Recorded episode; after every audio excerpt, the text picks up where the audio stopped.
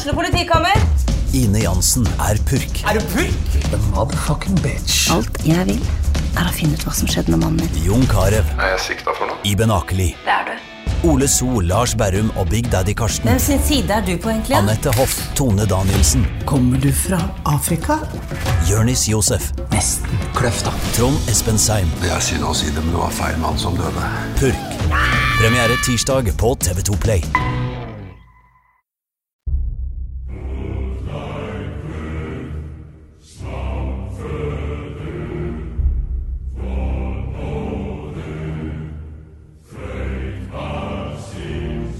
Tiden har kommet, folkens. Vi skal nå sette oss ned og ha en full spoilerprat om årets klart nest beste spill. Nest beste spill? Mm. God of War, Ragnarok. vi kan jo kanskje ta en liten diskusjon om det også, eh, den, den uttalelsen her. Men vi er en hel gjeng. Det er da meg, Rune Fjell Olsen, Karl Martin Hogsnes, Andreas er her, Sebastian er her, og Nick er her. Og alle vi har runda God of War, Ragnarok. Det har vi. Så til de grader. Det er sjelden det kommer inn et spill i redaksjonen som alle spiller. Mm. Ikke sant? Det er en, det er en veldig eh, spesiell event. da. Eh, og det er jo bare sånne spill som God of War, Ragnarok og Elden Ring og den type spill som får den utbredelsen i, i redaksjonen. Eh, og da blir det litt ekstra gøy da, å sette seg ned og snakke om det uten hemninger. Fordi det er mye man kan spoile det spillet her, Mm. og det har vi jo latt være å gjøre. Det er, det er sant. Vi, vi kunne jo venta og fått med oss eh, Svens og Frida òg. De er jo i gang, eller i hvert fall Frida er i gang. Svendsen er vel snart i gang, Ja, men uh, det, var, det var på tide å gjøre det her nå. Det er det, og så sparer vi den til romjula, sånn at folk uh, også uh, kan ha hatt muligheten til å liksom åpne opp den pakken under tre Mm. uh, og spille det selv. Så um, ja, tipper det blir en, eh, en ganske vanlig julegave, dette her. Men kan vi begynne med folkens, en runde på hva vi faktisk syns om spillet? Fordi vi har jo fått eh, to anmeldelser av det. Jeg anmeldte det for eh, NRK, ga det terningkast seks. Du anmeldte det for Level Up eh, Nick, ga det ti av ti. Det stemmer. Ja, hva ville dere andre gitt det? Hvem skal begynne? Jeg, Ikke alle på en gang, i hvert fall. Jeg- Nei. Hvis alle ikke For det er sånn Enten snakker alle, eller snakker ingen. jeg kan begynne, jeg. Kan begynne med deg, Carl. Ja. Eller Carl. Ok, da begynner jeg. Um, nei, jeg er jo helt enig med dere. Dere ga det jo toppscore, begge to. Det hadde fått det fra meg òg. Det er uh, en verdig oppfølger til det første, som jeg digga. Det var jo mitt Game of the Year i 2018. Mm. Og det, jeg var jo bekymra for at den nye regissøren og, og sånn skulle fucke opp dette her. Det fundamentet som ble lagt i, i 2018. Men det er et helt uh, fantastisk spill. Akkurat det jeg håpa det var. Og det var mye større enn jeg forventa. Mm. Flere characters, eh, lengre, story, lengre story mode. Mye mer content, liksom. Så um, det, kanskje, det tok meg mest på senga hvor mye det var. Og hvor mye av historien som ble fortalt i det andre spillet, liksom. For det, Mm. det skulle jo være en originalt en trilogi, det her. Men så har de eh, korta det ned til to spill. Og da ble, da ble det jo et kjempebeefy spill nummer to. Mm. Så det er, det er kult. Det er, det er kanskje for meg litt for stort satt opp mot det forrige. Det er ikke, ikke nødvendigvis at det er så negativt, men det er veldig mange flere characters, mye mer som skjer, så det føles litt mindre fokusert og personlig, kanskje. Men det er, det er nesten, tror jeg, det eneste jeg har å utsette på det. Alt det andre Mm. var bare akkurat det jeg håpa på ville ha. Så ble jeg overraska over hva som skjedde. Det var ikke liksom, jeg klarte ikke å forutse hva som kom til å skje. Det er jeg også veldig happy for. Mm. Hva med deg, Andreas? Um, jeg får være kynikeren her, ja, da. Jeg hadde nok uh, droppa det ned til ni. Ikke det at det er en dårlig score, akkurat. Men uh, det er på grunn av to ting. Det er um, uh, Jeg syns eh, Jeg syns historien kunne hatt litt mer subtil fremgangsmåte. Jeg syns noen ganger at det blir litt for eh, mye. eh, på en måte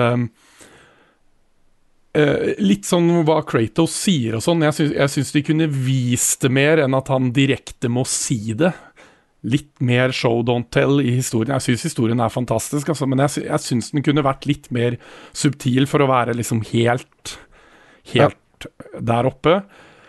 Um, og så syns jeg det er litt litt mye sånne falske hindringer i, i uh, worldbuildinga. At det er litt sånn Den kanten her klarer du ikke å komme opp, men du kan falle 50 meter fra himmelen mens du slåss mot Thor, liksom. Uh, og ja. her kan du ikke hoppe ned, uh, for her har vi satt opp en usynlig vegg.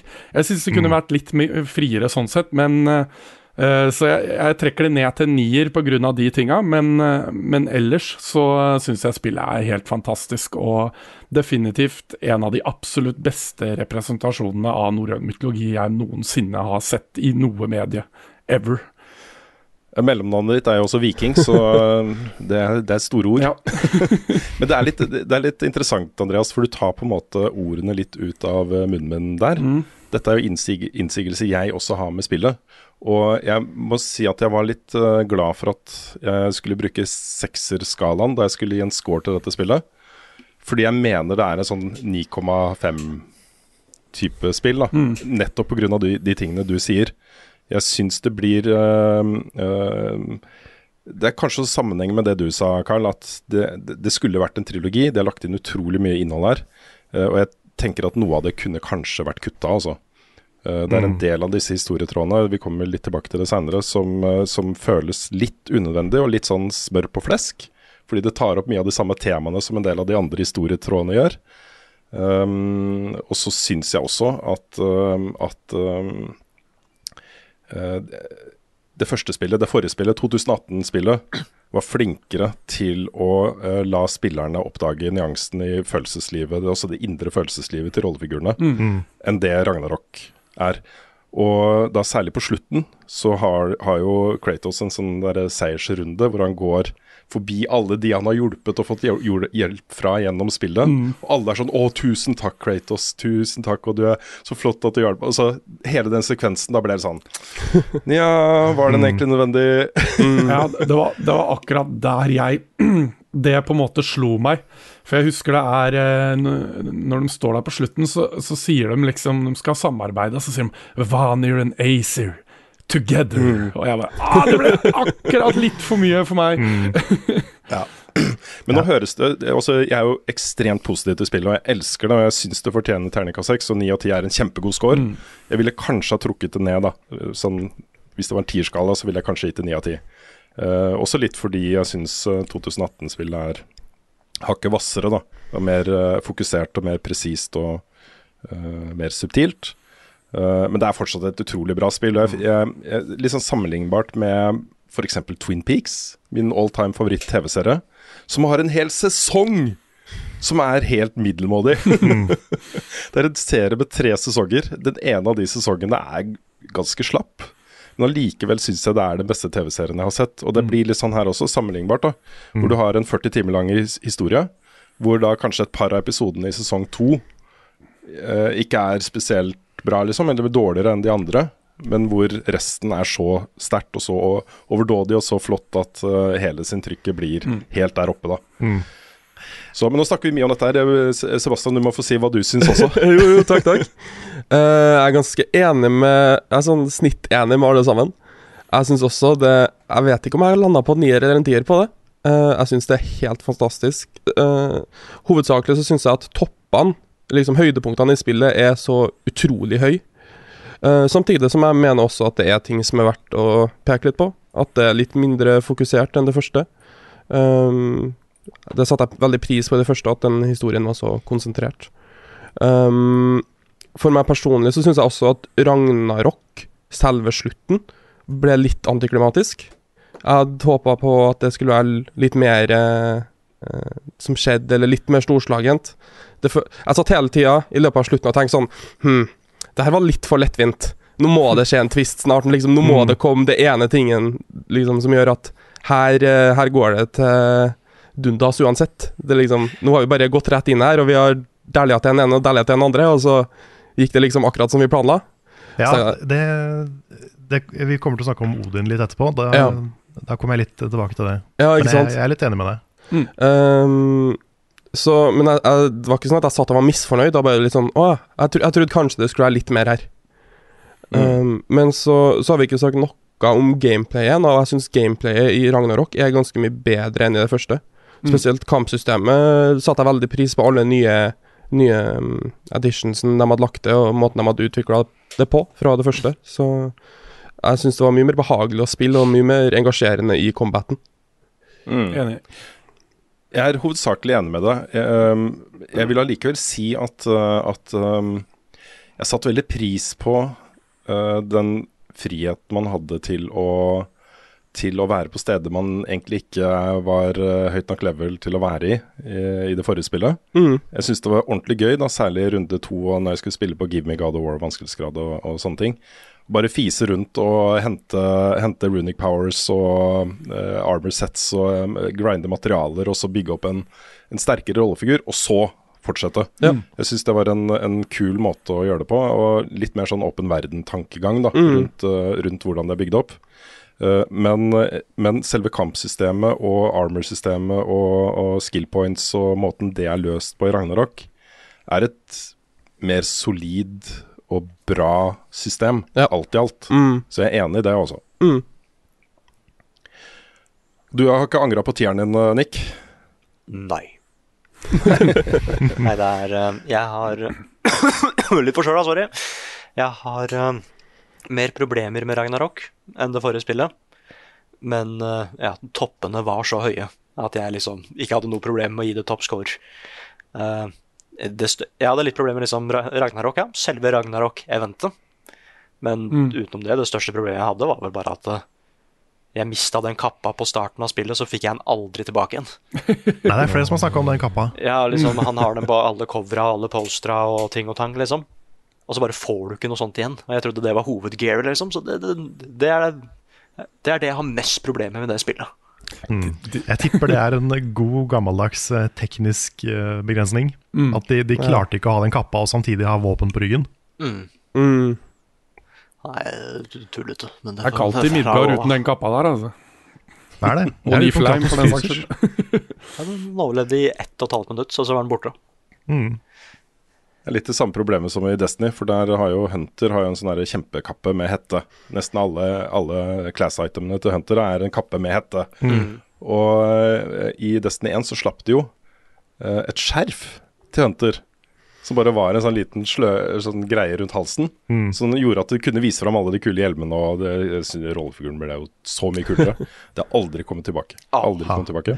Men det irriterte meg i Elden Ring òg, med den derre Når du fikk en sånn kul ting å ha på huet, eller en kappe, eller noe sånt, men så klipper den i skjoldet, Ja, og da er det ikke kult lenger. Ja, det er ikke Nei, greit. det er ikke greit. Sånn er det når de skal ha så mye forskjellig gear. Vet du. De kan ikke lage Ja. antiklipping på alle items i hele spillet. Nei, sant. PlayStation 6, da er vi ferdig med klipping. Ja, Nei, så det var, Kanskje. Altså, det var et par problemer, men uh, så fikk jeg den twisten og slutten. Og da var det sånn ah, ok, ok, greit, da. Jeg gir et tier med the flaws and all, liksom. Mm. Mm. Ingen Ja, man, skal, man, man, man må jo liksom ikke glemme hvor bra dette er sammenligna med andre spill i samme sjanger heller. Um, og der er uh, Santa Monica Studio litt i en sånn klasse for seg selv, altså. Det er måten de, de gjør action adventure og, og heftige kamper og lokasjoner og alt dette er Det er rett og slett bare så bra. Uh, og det er um, Vi kan ta en liten runde på Vi har for så vidt snakka litt om det også, men hva vi liker best da, av, av 2018 God of War og, og Ragnarok. Men det er jo sånn, selv om man kan si uh, Jeg mener jo at 2018 er hakket bedre. Så er jo fortsatt liksom Ragnarok er jo helt der oppe, det også. Det er ikke langt unna. Og det, det er bare det. Uh, det, det sier jo at det er et utrolig bra spill. Mm. Mm. Ja, nei, jeg tror nok jeg også kommer til å se tilbake på 2018 som en sterkere sånn klassiker, på en måte. At det, det kommer til å bli huska kanskje mer. Men, um, men jeg er helt enig. Ragnarok er liksom, det er rett under. Det er ikke langt under, men det er rett under. Man kan jo se det som en helhet også, som en eh, sammenhengende ting. Mm. Um, det blir litt sånn Half-Life 1, Half-Life 2. Ja, det er litt sånn Kill Bill, føler jeg. Fordi Kill ja, Bill er 1 er liksom, det er en liten fokusert ting som handler om veldig lite. Og så kommer Kill Bill 2 som har hele historien. Mm. Ja, Mm. det er på en måte litt sånn. Mm. Jeg syns nok Ragna Jeg liker nok Ragnarok hakket bedre enn 2018 pga. birollene. At de Mm. får større plass, og at uh, mytologien blir litt nøyere granska igjennom. Da. At det er med flere elementer fra norrøn mytologi som blir brukt her enn i det forrige. For det var det jeg savna litt i det forrige, at det skulle være enda mer norrøn mytologi, og at uh, realmsa var så unike i forhold til hverandre. Da. Det syns Mm. jeg de virkelig har fått til her. Jeg tror litt av grunnen til at det ble sånn, er fordi de måtte spare uh, det der siste poenget med at Atreas er Loke, Mm. helt til slutten. Ja. Som en sånn punch. At du forlater spillerne med den punchen. Eh, er jo mye av grunnen til at jeg setter så stor pris på den historien, fordi jeg hadde ikke sett det komme. Absolutt. Det burde jeg nesten ha sett. Jeg føler meg litt dum at ikke jeg så det komme, men det er jo bare Å, de kalte meg Loke. Og jeg bare sånn Oi, what?! Herregud! Dette er så bra! Ja. Men i eh, Ragnarok så får vi jo uh, um, mange flere linker da, til Lokes rollefigur og til norrøn mytologi generelt. Mm. Og vi får jo se opprinnelsen til Fenrisulven, vi får se opprinnelsen til Midgardsormen. Mhm. I to sånne helt herlige sekvenser, Ja. Uh, hvor, uh, hvor da Loke, Atreas, er um, i, uh, i Jotunheim. I en sånn hemmelig område. Da føles det som han er på en måte litt utenfor tid og rom når han er der. Mm. Fordi han har jo allerede møtt Midgardsormen, og da er han jo kjempesvær. Ja. Men her er det jo en slange som han på en måte gir liv tilbake. Han eh, fòrer en sånn sjelen til en giant inn i den, så Mm. stikker han av. Og så, så det må jo ha vært litt sånn utenfor tid og rom. Nei, det er, en annen, det er en annen forklaring på det. Ok? Fordi eh, du får høre i det første spillet, tror jeg. Husker ikke om du får eh, høre det igjen her, men at Jo, eh, ja. den kampen mellom Midgardsormen og Thor, så slår Thor ormen tilbake i tid. Hvis, hvis, hvis du ser på slutten der, rett før Thor møter uh, Kratos, når han står der sammen med Frud og, og Atreus, så ser du at Thor flyr opp i himmelen, dæljer til Midgardsormen, og så blinker det som blått, og så blir den borte. Å ja. Ja. det er kult. Mm. Det missa jeg, faktisk.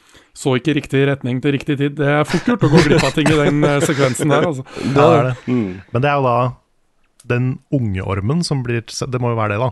Mm. At den allerede har blitt så svær i løpet av den korte tida mellom Atreas og det kapitlet. Ja, fordi de Ja. sier jo det at uh, He looks kind of different, tror jeg Freya og Mumir sier. Så da er nok den nye Midgardsormen. Mm. Jeg syns det var så gøy det første spillet òg, for når de sa det, at det kanskje, kanskje han slo Midgardsormen så hardt at han ble sendt tilbake i tid. Og da liker jeg at Kratos sier at det er preposterous, liksom. Ja, Men han har nesten gjort akkurat det samme i de andre spillene. stemmer det. Det var så mange teorier om det, husker jeg. Mm. At liksom Kanskje Kratos er Midgardsormen og sånn. Jesus. Ja, men det er jo sånn De linkene nå til norrøn mytologi begynner å bli ganske mange, da. Jeg var veldig eh, i, I forkant så hadde jo mange spekulert i Kommer vi til å se Sif? Mm. Kommer vi til å se den rollefiguren? Kommer vi til å se den rollefiguren? Hvordan ser eh, Hvordan ser eh, eh, Hva heter det? Askar? Askar ut. Mm. Og så hvordan kommer de til å løse alle disse tingene? Uh, og jeg sitter jo igjen med, uh, som du også sa, Andreas, men kanskje min favorittolkning av norrøn mytologi. Ja. Uh, jeg setter så stor pris på at de har faktisk brukt da, det, utgangspunktet og disse rollefigurnavnene, hendelser uh, osv. Og bare spunnet av sin egen historie rundt det. Og det sier jo litt om hvor mektige disse gamle historiene våre er, da. Ikke bare norrøn mytologi, men gresk mytologi og egyptisk. og Det er noe litt sånn universalt evigvarende ved disse historiene, Ja. som vi får se her, Det- syns jeg. Men det som er kult med den eh, norrøne, er eller kult, også litt synd, er det er jo en av de mytologiene vi har minst informasjon om. Den greske har vi jo langt mer kildemateriale på. Så det er jo eh, Sånn sett så er det jo mer åpent for tolkning også. Eh, at det ikke er så mange ting som er satt i stein. Men de har uansett endra på en del ting som er satt i stein, f.eks. hvem Loke er og, og sånne type ting. Da. Men jeg syns, jeg syns det bare er kult. Eh, Jeg har null problem med at de har sin egen tolkning av det. Jeg sy- syns det bare er bra. Er det ikke også en del motstridende informasjon i norrøn mytologi? Jo At det er, liksom, det er ting som ikke stemmer med hverandre, så det er veldig lett å på en måte komme med sin egen Mm. versjon. Ma mange tilfeller så er det jo uh, karakterer som har to forskjellige navn, men i andre Ja. tekster så er det to forskjellige karakterer, og, og sånne type ting. Så, Ja, det er fort gjort. mm. Er det, det var ikke noe, var ikke noe Kevin Feige som kunne hale inn. Nei, stemmer. Hva syns vi om eh, denne tolkningen av uh, Tore Odin og, og Oscar og, og, sånt, satt opp mot uh, Marvel sin versjon, da? Åh, jeg syns det er så mye bedre enn Marvel sin versjon. Jeg, Ja, det er så herlig kontrast, ass. Marvel er liksom den der high budget eh, CG Fantasy Castle. Mm. Og så er, kommer du til Asgard her, så er det liksom bare en sånn liten vikinglandsby. Mm. Mm. Men det Det er er, jo så, kult. det er jo sånn vikingene på den tida sannsynligvis så for seg at uh, Oscar så ut. De hadde Mm. jo ikke noen referanser eh, sånn sett å se det for seg som sånn science fiction-gullby som Mm. det er i Marvel-universet. Så det er jo en mer eh, troverdig representasjon eh, sånn sett. Da. Mm. Ja, nei, Ja. De så jo sikkert bare for seg et, et, et hus som var utrolig bra håndverk, med bra materialer satt sammen på en fin måte. Og det var litt, kanskje litt større, da. Ja, enn det et, de hadde et egen- fett hus. Fett hus. Og så er det masse, masse fester der. ja. Ja, mye drikking. Uendelig med mjød. Mm. Men litt sånn apropos, apropos den, den delen. Jeg liker at de har tatt alt det man forventer å se i en litt sånn der shitty, kjip God of War-gud, og putta alt sammen inn i Heimdal. Ja. Ja. Det er veldig gøy. Han, jeg digga hvor over the top rasshøl han var. Oh, yeah. Mm. Ja, men Han han var- så douche på en så herlig måte. Ja. Ja, men det, jeg syns det er så bra, for det funker i forhold til eh, narrativet. For man er sånn åh, jeg håper jeg får lov til å drepe han der, altså. Herregud, dude. ja, det var jo den første guden vi knerta her, liksom. Mm. Det var jo litt av en fight.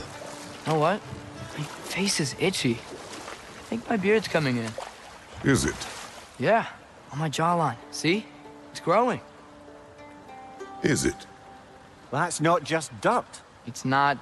Nå har vi jo gått litt rundt grøten her, tatt et litt sånt overblikk eh, over God of War Ragnarok. Men hvis vi fokuserer inn, da, så finner vi jo dette forholdet mellom Kratos og Atreus, som jo er det bankende hjertet i både dette spillet og det forrige spillet. Mm.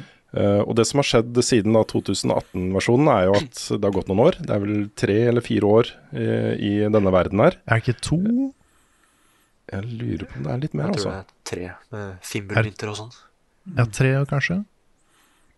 Jeg tror det er tre år. Men uansett så har jo Atreus blitt eldre. Uh, og jeg, jeg syns det er så herlig at de faktisk valgte en skuespiller i Sunny uh, Ayik. Nei, hva heter han? Sunny Ayik, er det ikke det? Sujik? Nå ble jeg usikker. Uansett, da. Skuespilleren som spiller Atreus, Mm. uh, er, er en kid.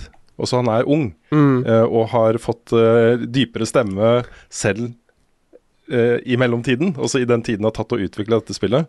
Uh, og det er en så utrolig mye bedre måte å, å tolke en rolle på enn å uh, da gjøre det man ofte gjør i sånne situasjoner. Gjerne en, en, uh, dame i 20-årene som bare snakker litt som en ung gutt. Mm. Men dette er en faktisk rollefigur som speiler den rollefiguren som er i spillet. Mm. Og det gjør så mye med opplevelsen. Uh, du får også dette forholdet mellom de to, som jo i 2018-spillet var utrolig anstrengt. Eh, det er ikke noe tvil om at det var moren til Atreus som hadde stått for oppdragelsen uh, der, og at eh, Kratos hadde vært en, en sint, eh, stille, fraværende far, Mm. som nå eh, fikk eneansvaret for Atreus. Begge to var livredde for den nye rollefordelinga der, da. Mm.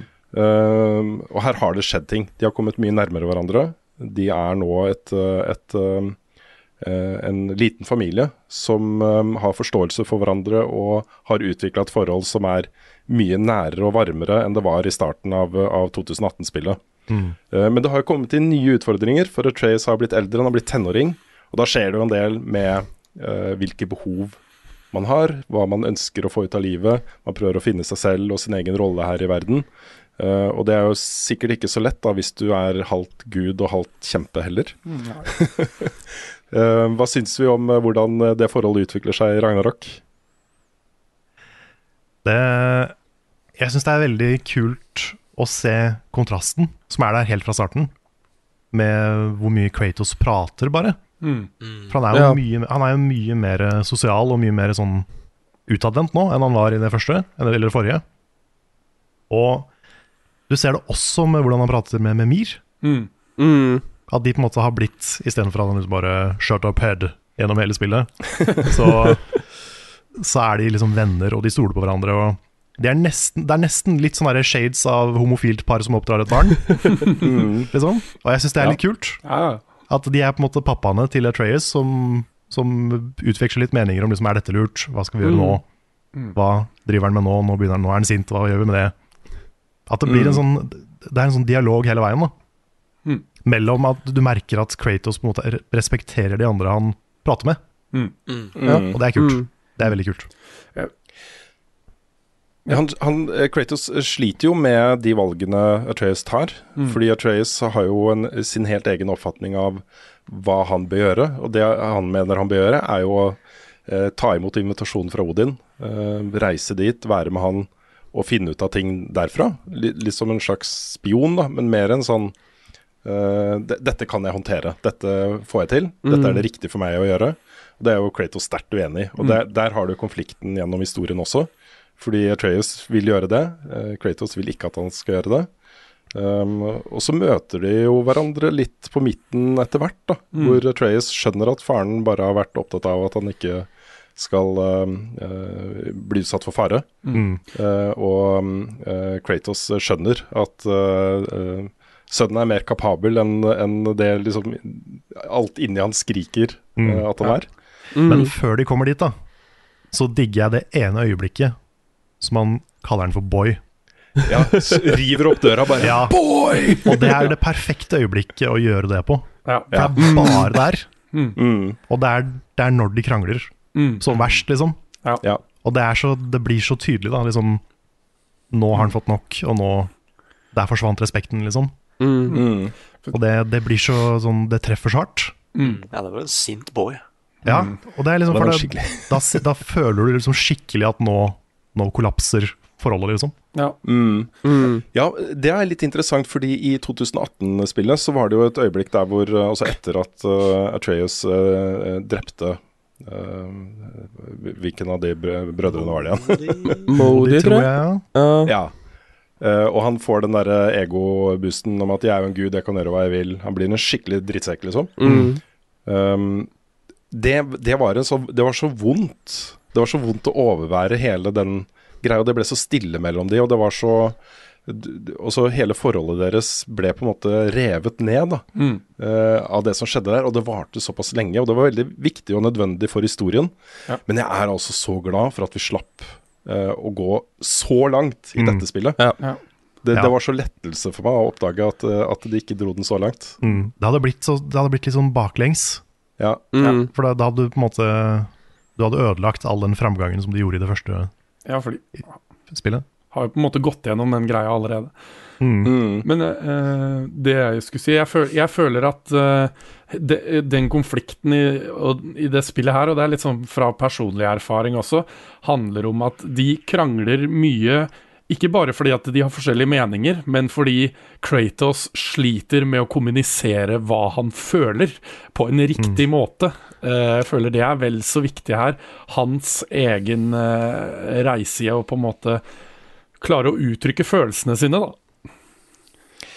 Dette er en utfordring eh, for den moderne mannen. Og det er jo særlig her jeg kjenner meg litt igjen, da. I, eh, i eh, å, å på en måte har en link til dette spillet som, som går ut av, av skjermen og blir på en måte mer um, relaterbart. relaterbart. Uh, ikke kanskje bare uh, når det gjelder meg selv og det at jeg har egne barn og de tingene.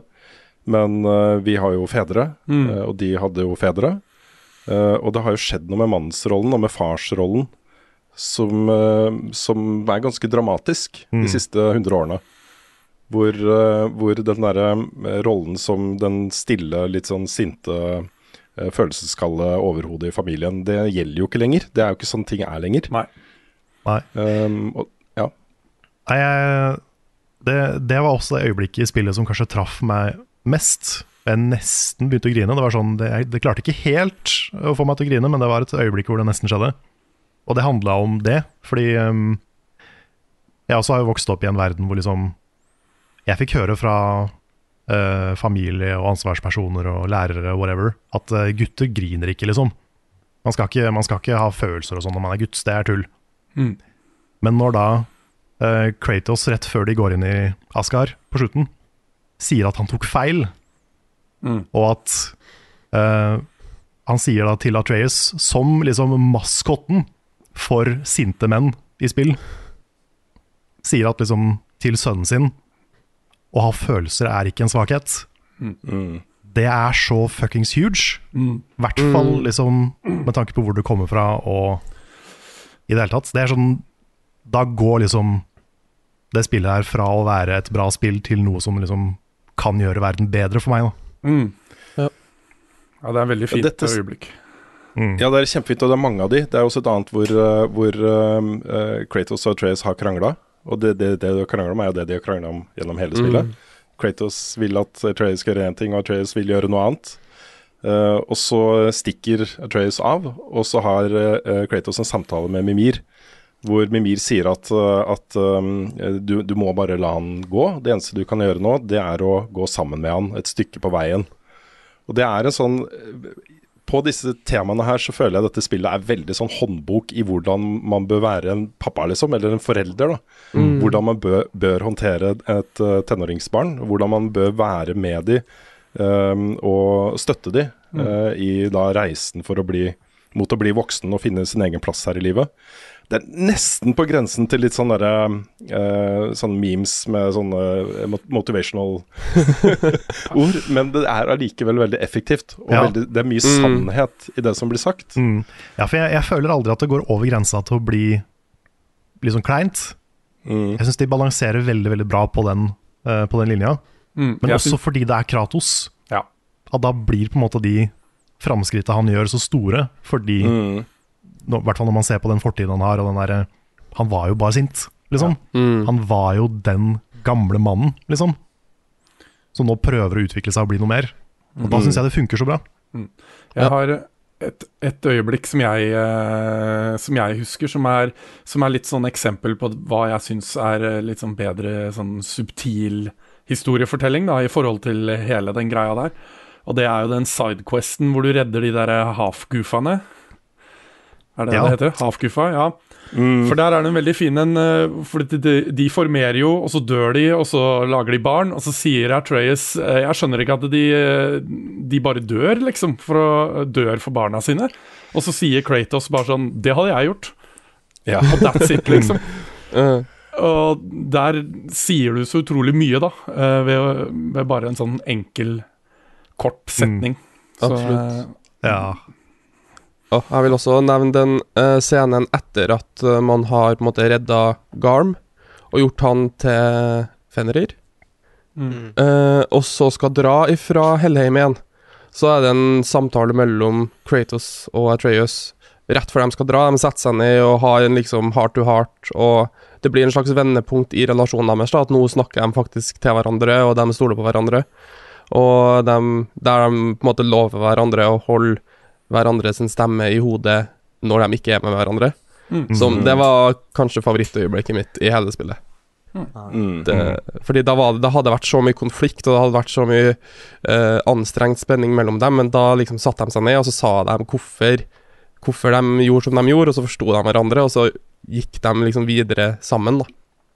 Mm. Ja. Nei, sorry.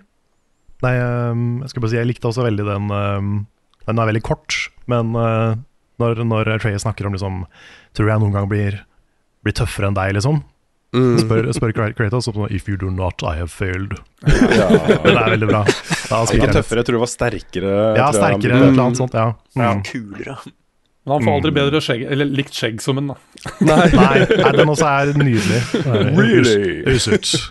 Nei, for jeg, Det jeg likte så godt, var at motivasjonen til Atreas ga så mye mening for både han og spilleren. da. Fordi Mm. alt det han gjør, er jo bare for å prøve å redde faren, liksom. Mm. Til slutt så er det jo det. Han prøvde først å prøve han å finne Tyr, men så, er han, så finner han ut av den profetien til at Kratos skal dø. Og jeg syns det er så kult da med at eh, vi forstår nøyaktig hvorfor han har lyst til å gjøre det han gjør. Ja, For vi vil jo heller ikke at Kratos skal dø, liksom. Mm. Og da syns jeg det er så gøy, fordi veien tilbake, når de har tatt uh, redda Fenrir og sånn, så er det jo en sånn samtale hvor han straight up sier bare hvorfor han har gjort alt han har gjort. Ikke en han Mm. bare sier at han gjorde det fordi han har sett fremtiden til Kratos. Ja. Og da syns jeg det er så gøy for Kratos bare Å ja, den greia der, ja. Ja, ja, ja. ja. Stemmer det. Ja, jeg, jeg så den da vi var i Jotunheim, liksom. Ja, ja. Eh, og da jeg syns det var veldig morsomt, men så sier han etterpå også da at uh, Atreus sier at uh, Maybe this time I can protect you. Og da sier Kratos bare We are not ashamed. I'm a parent. Ja. Han har lov til å holde hemmeligheter og sånn for å beskytte Trayers, men ikke han. Mm. Ja, Der skal- kommer den. Når han sier 'I'm sorry'. Ja, Ja. sant. Det, der skal det spillet ha skryt også. Jeg trodde faktisk Kratos kom til å dø. Ja. Jeg, også, jeg har vært sikker på det i to spillene nå. Ja. Så det Satt bare og venta på at det skulle komme, egentlig. Ja, det var et av de store spenningsmomentene i denne historien her. Hva skjer med Kratos på slutten? Mm. Men jeg syns også det forholdet mellom de to, og også måten de har løst det på i, i sånn gameplay-sammenheng, er også utrolig kul. Altså, hvor, eh, hvor de er ute og utforsker ting sammen. Og så går jo du, da, som spiller, Uh, helt motsatt vei av det du egentlig skal. For, fordi du ser en kiste der borte, og så Mm. kommenterer Treyus det. Ja. Og sier at ja, ja, han, bare, han liker å bare sjekke ut, He just, he just does this sometimes. He likes, he likes loot. Det er, så, det er så mange sånne. Altså, Freya sier altså det er bare 'Is there loop there?' Mm. Nei, har dere Sorry. Har dere funnet de derre metavitsene? Det er mange metavitser. Det er den om det PlayStation slåsspillet, husker Ja. jeg i hvert fall. Hvor han sa Pleide ikke du å være med i en turnering hvor det var liksom Ja. verdens beste musiker og Jeg vet ikke om det er Parappa the Rapper de refererer til der, eller hva det er for fordi, We shouldn't talk about that. ja, ja. For mine tre favoritter der er at hvis du prøver å ha med Atreas tilbake til den der hesten som dere bruker for å finne The Norns, liksom Ja. da, da spør Mimir bare 'Hvorfor skal du opp hit?' Nei, jeg trodde kanskje at uh, Atreas ville se hesten. Ja. ja. altså er det den at uh, det er drager og sånn i det Mm. der, ved huset til Sindri. Du kan se nede i horisonten. Ja. Og da sier Atreas bare 'Jeg tror det er for langt å kaste øksa'. Og hvis du da kaster øksa, så er den sånn «Åh, hva, hva var jeg nettopp sa? Ja. uh, og favoritten min da er den hvor når uh, Når du skal uh, Når du og Freya drar i Vanaheim og skal Mm. liksom ta ut Heimdal og sånn, så kan Jeg du bruke de der ulvene. uh, ulvene for å liksom skifte tiden på døgnet. Men hvis du gjør det igjen rett etter hverandre, så spør Freya bare hvorfor skifta du dag? Vi var jo på riktig tidspunkt. Sier Kratos I just wanted to see the wolves again. Yes. ja, det var veldig fin. Ja. Ja, men det er også det andre øyeblikket. Jeg husker ikke hvilken sammenheng det var. Men det var um, Atreus som spurte Kratos om uh, hva var historien bak det som skjedde nå.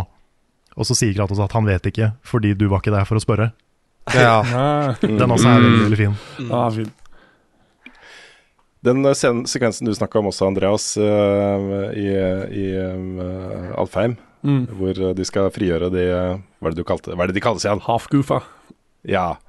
Eh, hele den questen kommer jo fram at, at Kratos gjør den bare f fordi Atreas vil det. Stemmer. Ja. Altså han, han, han, han gjør det kun for å blidgjøre Eller for å gjøre noe for sønnen sin. Da. Mm. Og ha et eventyr med sønnen sin. De skal jo egentlig ut og gjøre noe annet. De har en mission, liksom. Mm. Men Atreas vil gjøre dette, og da sier Kratos bare OK, jeg blir med på det. Ja, og hvis du, gjør den, hvis du gjør den questen med Freya, så mister du alt det.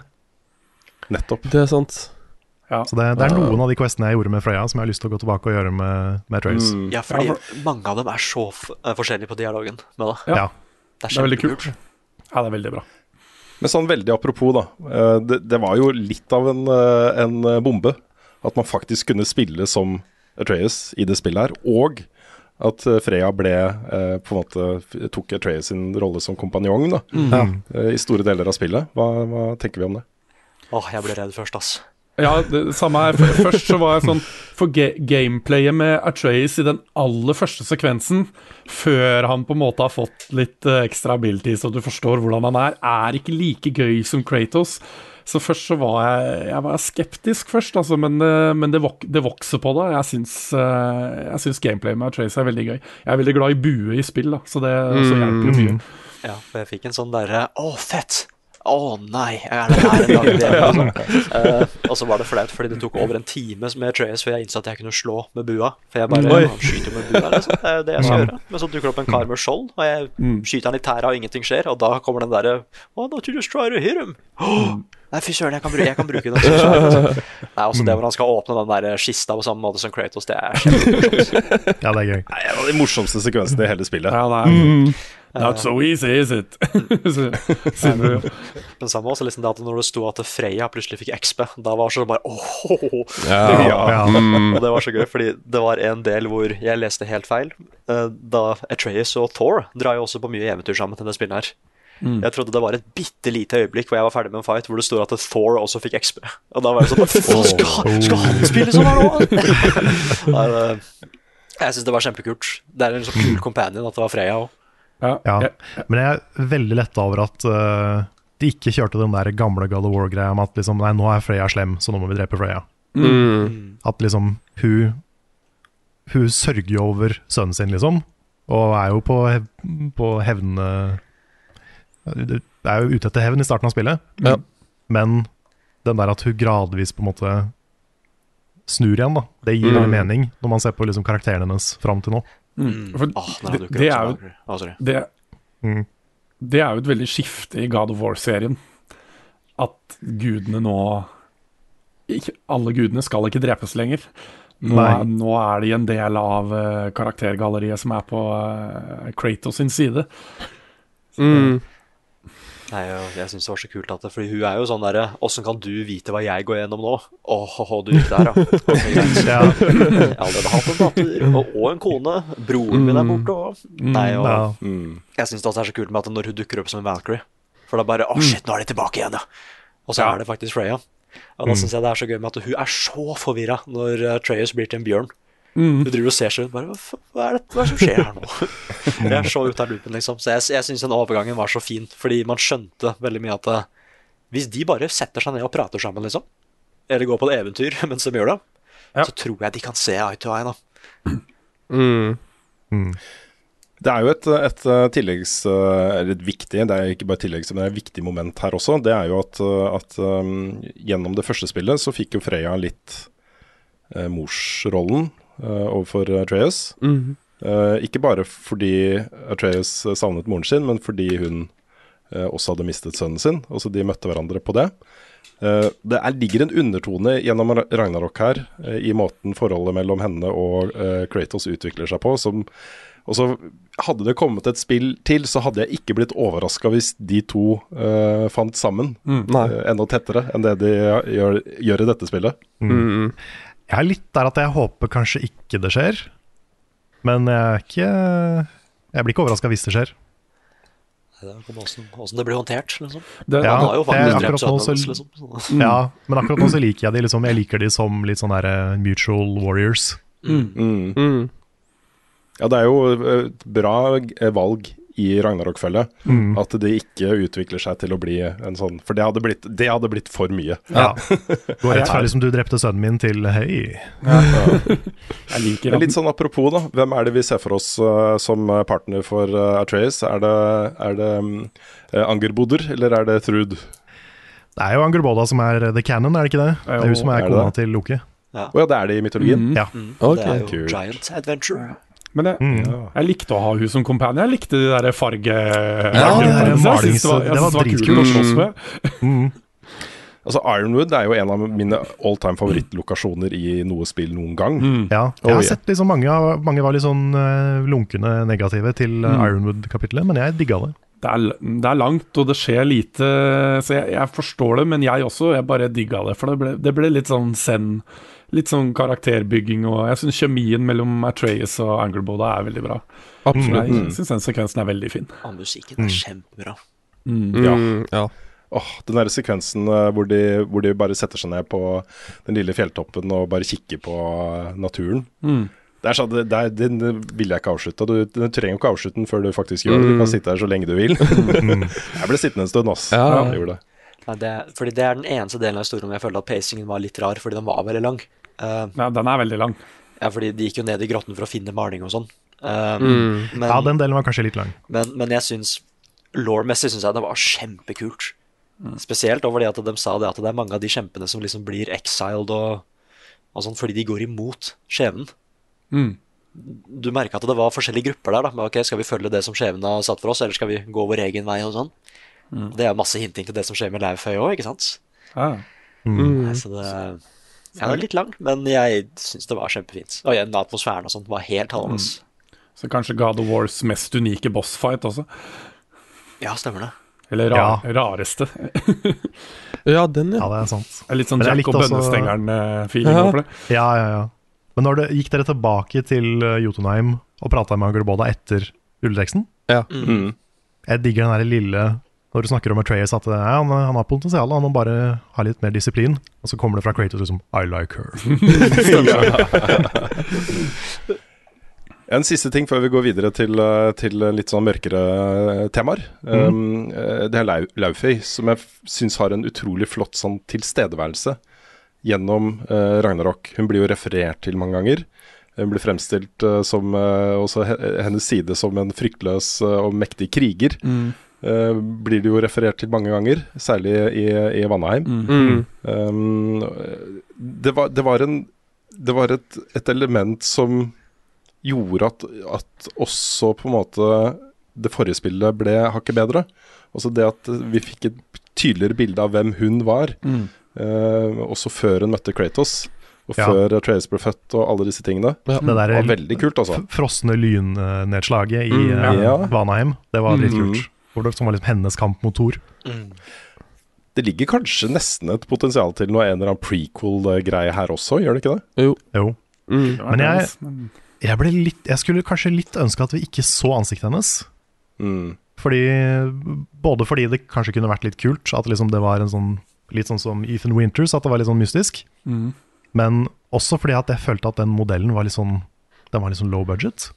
Vet du hva, det, det var det første Jeg husker når dama mi starta opp spillet. Hun bare Det er et eller annet gærent med ansiktet hennes! Ja, hun så litt, det var noe litt sånn rart. så Det virka som liksom ikke de hadde De hadde ikke vært like nøye på henne som de var på de andre. For hun hun er basert på, er jo kjempepen. Ja, hun, det er hun som spiller i True Blood og Daredevil. Og, Ja, ja, ja. Så jeg, jeg så jo at det var hun, men samtidig mm. så var det ikke hun. Jeg vet ikke, kanskje det er noe jotnetrekk eller noe sånt de har prøvd å innføre eller et eller annet. Litt Uncanny-vennlig. Ja, det var, det var litt sånn, der, det var litt sånn dokkeansikt, på en måte. Mm. Det var noe der som skrur litt for meg. Ja. Ja, for jeg likte hvor vanlig hun så ut. For jeg forventa Ja, det likte jeg òg. At, at hun, bare var en, hun bare var en dame, liksom. Mm. Uh, nei, men jeg likte at uh, Jeg likte litt at vi fikk et ansikt til henne, da. Eh, Mm. Fordi en ting som jeg syns var kjempespennende i det forrige spillet, er det at eh, jo, de har jo sagt at de var glad i hverandre, ikke sant? Men hvor mye var på en måte et spill for hun da? Med å sende liksom Trace og Kratos rundt på eventyr og sånn. Mm. Jeg tenkte jo at de var Mm. glad i hverandre, men det å få liksom den bekreftelsen at eh, ja, hun var alltid glad i dem. Det var ikke bare et spill, liksom. Ah. Nei, det syns jeg var kjempestilig. Men, jeg, men jeg liker det at de holder igjen litt også, at vi ikke får se sånn kjempemye. For jeg, jeg liker at det er litt mystikk rundt, eh, rundt det også. Mm. Men, det, og det, der, er det jo, der er det et eksempel på litt mer subtil historiefortelling. Da, Kratos sin kjærlighet til uh, Lafay, liksom. Og Ja. hele den greia der, uten at det, det blir mye av det. Og det, Mm. Jeg setter veldig pris på det, i hvert fall. Jeg syns det er Mm. bra hvordan de har håndtert det. Ja. Han Det og er de mulig- andre ja, Sorry. Uh, det er mulig jeg missa den også, men har vi, har vi fått vite hvordan hun døde? Nei. Nei. Nei. Vi bare visste at det skulle skje. det, ja, for det satt jeg og lurte på. Det, det, jeg syns egentlig det er greit at vi ikke fikk vite det, men det er et sånt spørsmålstegn som jeg satt med hele tida, i hvert fall. Mm. Ja, for jeg, jeg tror i det første spillet så sier han Atreus at uh, jeg, det er lenge siden jeg har vært syk, og jeg er ikke blitt så dårlig som det mamma var. Jeg tror han Ja, sier det et par ganger. Mm. Men det er ikke helt ja. Men igjen, dette kommer til den greia med at hun visste sannsynligvis fremtiden sin, ikke sant? Ja. Mm. Men jeg liker også det at eh, når andre karakterer konfronterer Kratos på det at eh, liksom, er du sikker på at du ikke, ikke manipulerte deg, liksom, så merker du at han også tviler litt. Mm. Mm. Han er ikke helt sikker. Og det er kult. Det er kult. Det er en sånn fin, liten sånn hm. Mm. Det er derfor det var så fett med at de sier at hun ødela den eh, Den veggen i Jotunheim. Mm. Ja. Mm. Stemmer. Da fikk man liksom bekrefta at nei, hun brydde seg faktisk om dem hele tida. Det var ikke en sånn yep. hidden agenda, liksom.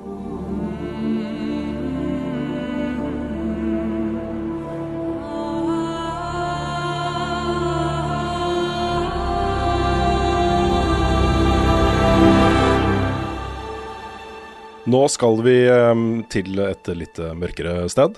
Eh, det er jo sider i eh, God of War Ragnarok som eh, toucher innom temaer og, og mm, følelser som jeg vil si er ganske uvanlige, særlig i type action-adventure-opplevelser.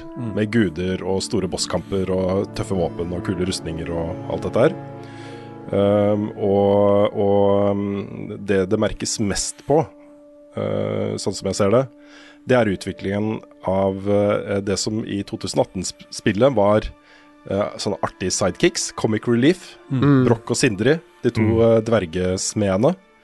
Hvor, hvor det kommer fram mange greier gjennom spillet. Den første er jo at, at Broch oppdager at da han ble reddet av Sindri, hentet ut av, av dødsriket, så, så uh, klarte bare Sindri å uh, få tilbake tre av de fire delene av sjelen hans. Det var den første tingen. Og så uh, er det jo den sekvensen hvor uh, det blir avslørt at Tyr er ikke Tyr, men Odin. Mhm. Odin Mm. dreper uh, Broch. Og, og så bare det å se ansiktet og hele, hele fremtoningen av Sindri etter det Mm. Det, er, det gjorde altså så vanvittig inntrykk eh, på meg. Det var Ja. sterkt, altså. Det- Ja, det er ordentlig vondt. Mm. Dere snakker om favoritt eh, Dere har nevnt litt favorittdelen deres av spillet. Min favorittdel er når Atreas Atreus og Kratos drar til Tyrs tempel for å snakke med Sindri etter at alt det her har skjedd. Og Sindri er den derre 'This is what sorry looks like'. I gave Ja. you Mm. everything. Og Mm. Hele den talen der, det er det det som traff meg hardest i hele spillet. Det syns jeg er den absolutt eh, beste sekvensen i spillet, for min del. Ja, det samme med begravelsen av Broch også, Mm. Hvor, um, hvor uh, det er jo lenge usikkert om Sindre i det hele tatt kommer. Mm. Uh, og han kommer til slutt. Uh, og da er det jo en slags sånn man, man tenker da at ok, kanskje de klarer å reparere dette forholdet her nå. Men han gjør det jo bare klokkeklart at det, her- det, det, dette går det ikke an å reparere. Han er der, og han tar avskjed med Broch, men uh, det er ingenting som er endra. Mm. Og så han har gått helt, helt, helt i kjelleren. Mm. Um, jeg, jeg setter så pris på at et uh, underholdnings... Altså trippel A blockbuster-spill går dit. Mm. Ja. Jeg Det er sterkt, altså. Jeg liker det veldig godt, for, for, for i mange andre spill så hadde det på en måte endt med at han hadde tilgitt den og, og, og sånne ting, men de bare, de bare lar den ligge, og så bare slutter spillet. Og det, det liker jeg veldig godt, for at det, det gjør litt vondt. For at Ja. det, det bryter liksom med, med tropes og, og sånne ting på en måte som man ikke er helt vant til. Da. Og da, Mm. da sitter det mye hardere. Jeg setter så pris på når uh, historier gjør sånne ting. Da. Ja, og når det er der rulleteksten kommer også. Mm. Liksom etter den derre a hole, som er på en måte Ja, som det, er er det, siste, en- det er det siste de sier i spillet. Ja, Som igjen er litt en metafor på hva Sindri går igjennom, Mm. Ja. tror, tror jeg, da. Mm. Ja, ja det, det fikk veldig det inntrykket. Mm. En eh, detalj der som jeg også ikke tenkte over før en stund etterpå, var jo hvor uh, At Sindre hadde jo den på en måte, bakteriefobien, at han ikke tør seg å ta en ekkelt og sånn. Mm. Og så i den sekvensen der han står og sier sånn 'This is what sorry looks like', så er han jo dekket av blod og gørr og lort og hele liksom slaget på Asgard og sånn, så er han jo Mm. skikkelig møkkere, og han bryr seg ikke. Han har bare Ja. Det viser så sjukt godt da hvor langt ned han har falt, når at han har mista liksom et av sine største personlighetstrekk. Ja. Og det, det, han bryr seg ikke om det lenger. Det, Veldig en, enkel og effektiv måte å, å skildre at nå er det bare Nå er han på bunnen av, Ja. av bøtta. funker veldig bra. Ja, det var bra. En ting som jeg var så redd for uh, tidlig i historien, var det at de finner den ekte Den ekte profetien til Ragnarok. Og da Mm. husker jeg at jeg ble litt skuffa for bare Ja, det at det bare Asgard er den som går under, er jo ganske ille, det òg. Men det virker ikke like liksom fett som det Ragnarok folk trodde det var. da At alle Remsa liksom går under. Ja, Superapokalypse. Og da var jeg litt redd for åssen det skulle være stakes på slutten. Og konsekvenser av krigen, da. Ja. Mm. Og jeg, jeg så det ikke komme, altså, det med Odin. Jeg, Nei. Jeg syns han var litt rar av og til, Tyr, liksom. Men det var veldig forståelig hvorfor han var sånn. Så klart han ikke hadde lyst til å gjøre Ragnarok, fordi da går jo hele Asgard under. Mm. Uh, nei, jeg så det ikke Jeg tenkte ikke på det ett sekund at det kanskje var Odin. Mm. At det bare Nei, ikke drep Brook, da, for han er, han er den eneste som faktisk ikke kan komme tilbake igjen, på en måte. Ja. Ja. Men det, det som er så effektivt og, og kult der, da, er at det viser Det viser hvor mye Brock og Sindri betyr for Kratos. For han, han vil jo ikke gå mot krig mot uh, Oscar, det er jo det er liksom det siste han vil. Men når Brock dør, så er det bare sånn Fuck it. This is, this is vengeance. Ja. Da, da, da kommer han over den kneika som han trenger for å eh, erklære krig mot dem. Jeg syns, det er veldig bra. Mm. Men det er også en par parallell der med det, liksom det sinnet og den der hevn-questen som Kratos har vært på siden det første spillet. Mm. Altså de gamle spilla. Mm. Um, den har på en måte Sindri tatt over på slutten. Mm. Nå har Ja. han blitt liksom den som er full av hevn og faenskap og Ja. hater, Mm. hater alle, liksom. Og det er, uh, det er sånn fælt. Det er fælt, på en bra måte. Mm. Det er veldig bra historiefortelling, men det er grusomt, ass. Ja, det gjør skikkelig vondt, og man, man Altså, dette er jo ting som, som også håndteres mye i TV-serier og bøker og filmer og sånt. Hvordan håndterer rollefigurer vi er glad i, traumer. Uh, og det er massevis av eksempler hvor uh, liksom dattera til hovedpersonen dør i starten av filmen, og så på slutten av filmen så uh, har de party og har det helt fett, liksom. Og Mm. kommenterer det ikke i det hele tatt. Mm. Uh, og her mister vi jo Vi mister jo en ganske viktig del av God of War-universet. Mm. Eh, ved at de fjerner the comic relief. Og alle de vitsene og alt det vi har ledd av det disse to rollefigurene har sagt, både til oss og til hverandre, og eh, måten vi har interagert med, med dem på, det, det bare rives vekk fra hele opplevelsen og erstattes av eh, også det ansiktet til Sindre, og den der mimikken og, og, eh, og, og følelsen hans. Hvor tydelig det er, og hvor utrolig eh, impact det gjør. da Mm. det er altså, At man bytter ut noe lett med noe så tungt, det er et veldig, veldig veldig bra grep, altså. Mm. og da han bare dreper Odin som en sånn flue. Ja, straight up. Ja. Ja. Jeg, di- jeg digga det. Jeg vet, jeg, det, gjør, det er jo liksom Jeg ser jo det At de skal på en måte skildre det at det, det Sindre går gjennom, er jo ikke bra. Men jeg syns fortsatt det var litt kult at han bare Ja, gi meg den der, da. Altså bare bang. Oh yeah. Ikke noe remorse i det hele tatt. Nei, Nei, nei. Og så liker jeg også den at det er en sånn ongoing joke at de driver og teleporterer så mye når du ikke ser på dem. Mm. Og jeg tror de Ja. hinter til at det er fordi det er sånn den magien Den er superhemmelig, ingen skal vite åssen den blir gjort. Men så fort Mm. han liksom holder like til Brooke, da bruker han den. Da ser vi den overgangen. Mm. Han teleporterer seg bort, for han bare bryr seg ikke noe mer. Ikke sant? Ja, det stemmer det. Nei, det er så subtle. Jeg, lik- jeg liker det. Ja, det er det, det er det beste med hele spillet, hele, hele Sindri-blokk, eh, alt, alt det der. Hvordan det bygger seg opp, syns jeg. Det var også den største grunnen til at det bare Jeg tror jeg er på nier, liksom. Og så Mm. starter den tredje akten med at uh, Tyra er Odin. Da var det sånn OK, fy. Den twisten der var så bra. Det er så kult nå, fordi du blir liksom spilt hele Gjennom hele spillet så blir du lurt. Ja. Til og med Mm. første scene med Odin, så driver han allerede og setter opp The Long Con, ikke sant? Mm. Det så det fra Lost, liksom. Det tok flere år å gjøre The Long Con, men han Ja. Mm. Men uh, kanskje, kanskje vi skal ta det nå. Jeg skjønte ikke 100 planen til Odin. Han ville, han ville, jeg, jeg tror han bare ville vite hva de snakket om, og hva de planla, sånn at han kunne gjøre mottrekk. Ja, ja fordi jeg venta på en måte litt på den derre 'dette er mitt svar' Mm. på det dere gjør, men det følte jeg aldri kom. Det ble liksom bare at vi invaderte Askar, og så vant vi. Ja. Mm. Så det var liksom, hva, hva var på en måte Hva var det Odin gjorde for å, for å beskytte seg sjøl, da? Hva, Mm. var på en måte, hva var det han pønska på? Nei, fordi hele målet hans var jo å få den maska. Så fort Mhm. han liksom fikk tak i den fra Trey som tyr, så sa han jo det at han skulle bare liksom hente tingene sine for å sannsynligvis teleportere seg bort, ikke sant? Mm. Nei, så han Mm. gjorde det bare for den Det var det long game for å få tak i den maska. Jeg eh, kan eh, eh, Altså Det kommer jo fram på flere punkter at Odin er jo redd Kratos. Det blir jo Mm. nevnt eh, direkte også at Mimir sier at han, han ble nervøs av deg og, og, og sånne ting. Og Tyr, han som Tyr, er jo hele tiden for Altså, han er for fred. Hvorfor skal du angripe Oscar? Hvor, hvorfor vil du det? Så jeg tror mye av motivasjonen hans altså ligger i det at han vil rett og slett eh, forhindre at de angriper. For at han For det første så er jo profesien at han dør når det skjer.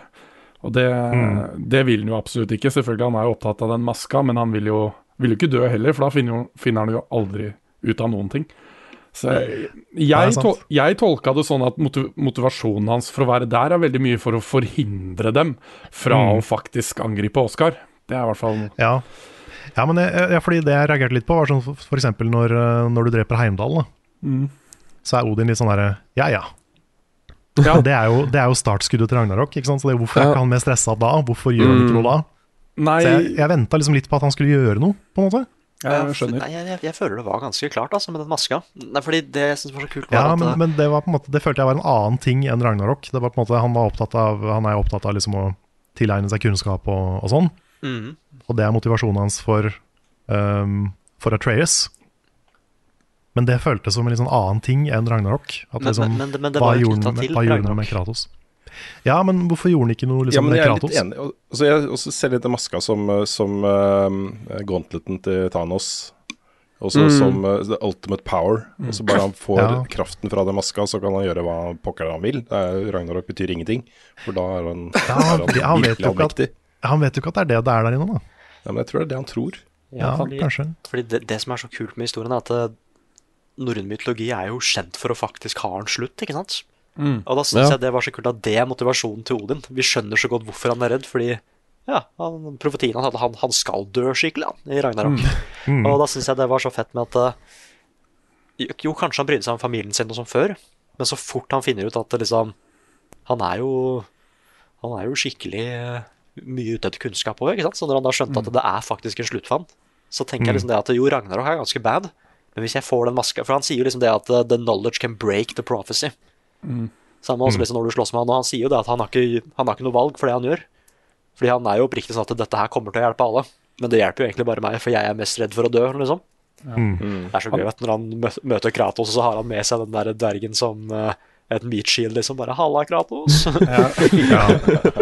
Ja, det er en skikkelig sånn petty rasshøl. Um, Mm. Men uh, nei, jeg vet ikke, jeg, bare, jeg savna kanskje litt flere mottrekk fra han. I spillet. ja, Det var det eneste jeg savna med han. Jeg forstår hva du mener. Han er jo sykelig opptatt av kunnskap. eh, og Mm. det er, er han jo egentlig litt i originale mytologien også. Han gir jo det ene øyet sitt for å Mm. få Ja, seg et tre og ja, visdom. Mm. Uh, og det blir jo ganske bra portrettert der, syns jeg egentlig, at det er det eneste han bryr seg om. Han er villig Mm. til å bruke alt og alle, inkludert sin egen familie, for, for å oppnå det målet. Da. Ja. Det tenkte jeg vi kunne komme litt tilbake til også, fordi eh, det er et annet utrolig interessant aspekt ved dette spillet her.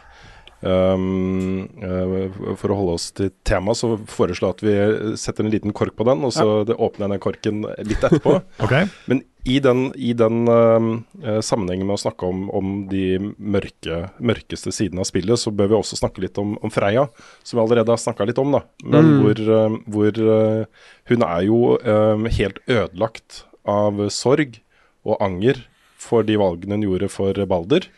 Um, og det at hun mistet sin eneste sønn på den måten hun gjorde, og det var hennes skyld at det gikk så gærent det gjorde med Balder. Um, og han mista jo helt vettet og, og ble jo gal av Mm. å være udødelig. Mm. Ja. Uh, og i starten så er det eneste hun tenker på, det er å drepe uh, Kratos. Mm. Det er det eneste, det Hun er konsumert av det hatet og, og den hemmelysten.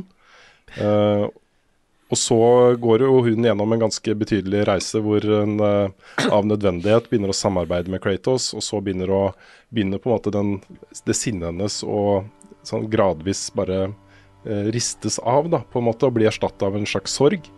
Um, og så har du jo i tillegg dette forholdet hennes til broren hennes, Freyr, eh, som jo er også ødelagt, og som blir reparert. Det blir, jeg, jeg mener at akkurat denne Freyr-historietråden kunne jeg godt vært foruten. da. Ja, Jeg syns, jeg syns det ble litt for mye. Du trengte den egentlig ikke. nei, hvis du skulle kutta én character fra spillet, så kanskje han. Han som Ja. stopper Ragnarok, jo. Ja, det Ja. også, altså. Ja, kanskje, kanskje de bare måtte introdusere han og gjøre litt mer ut av det for, for de. I den, Mm. I den originale mytologien så er det jo Freyr som stopper Ragnarok. Så Mm. eh, De hadde jo ikke trengt å ha med, for de har jo sine egne tolkninger på veldig mye annet. Men uh, Mm. det er jo såpass. det, det, det er også en veldig kul parallell mellom eh, Freya og Sindri i det spillet her, fordi de bytter på en måte plass. Mm. At der Ja. Freya starter, slutter Sindri. Mm. Ja. Det er også en sånn fin, fin tråd.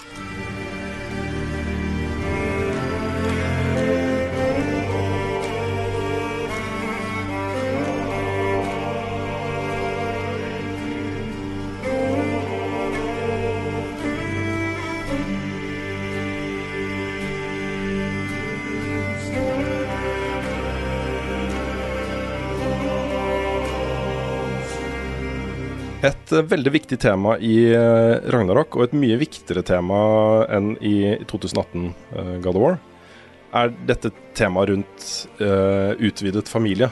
Uh, og så her har du jo Kratos, han er jo eh, i et fremmed land. Han er jo i et land han ikke har vokst opp i. Han har eh, bygd sin egen lille familie her. Det er jo bare han og Atreas. Men gjennom dette spillet så bygger du jo en utvida familie med den ene eh, på en måte allierte og nye vennen etter den andre. Du har allerede Mimir.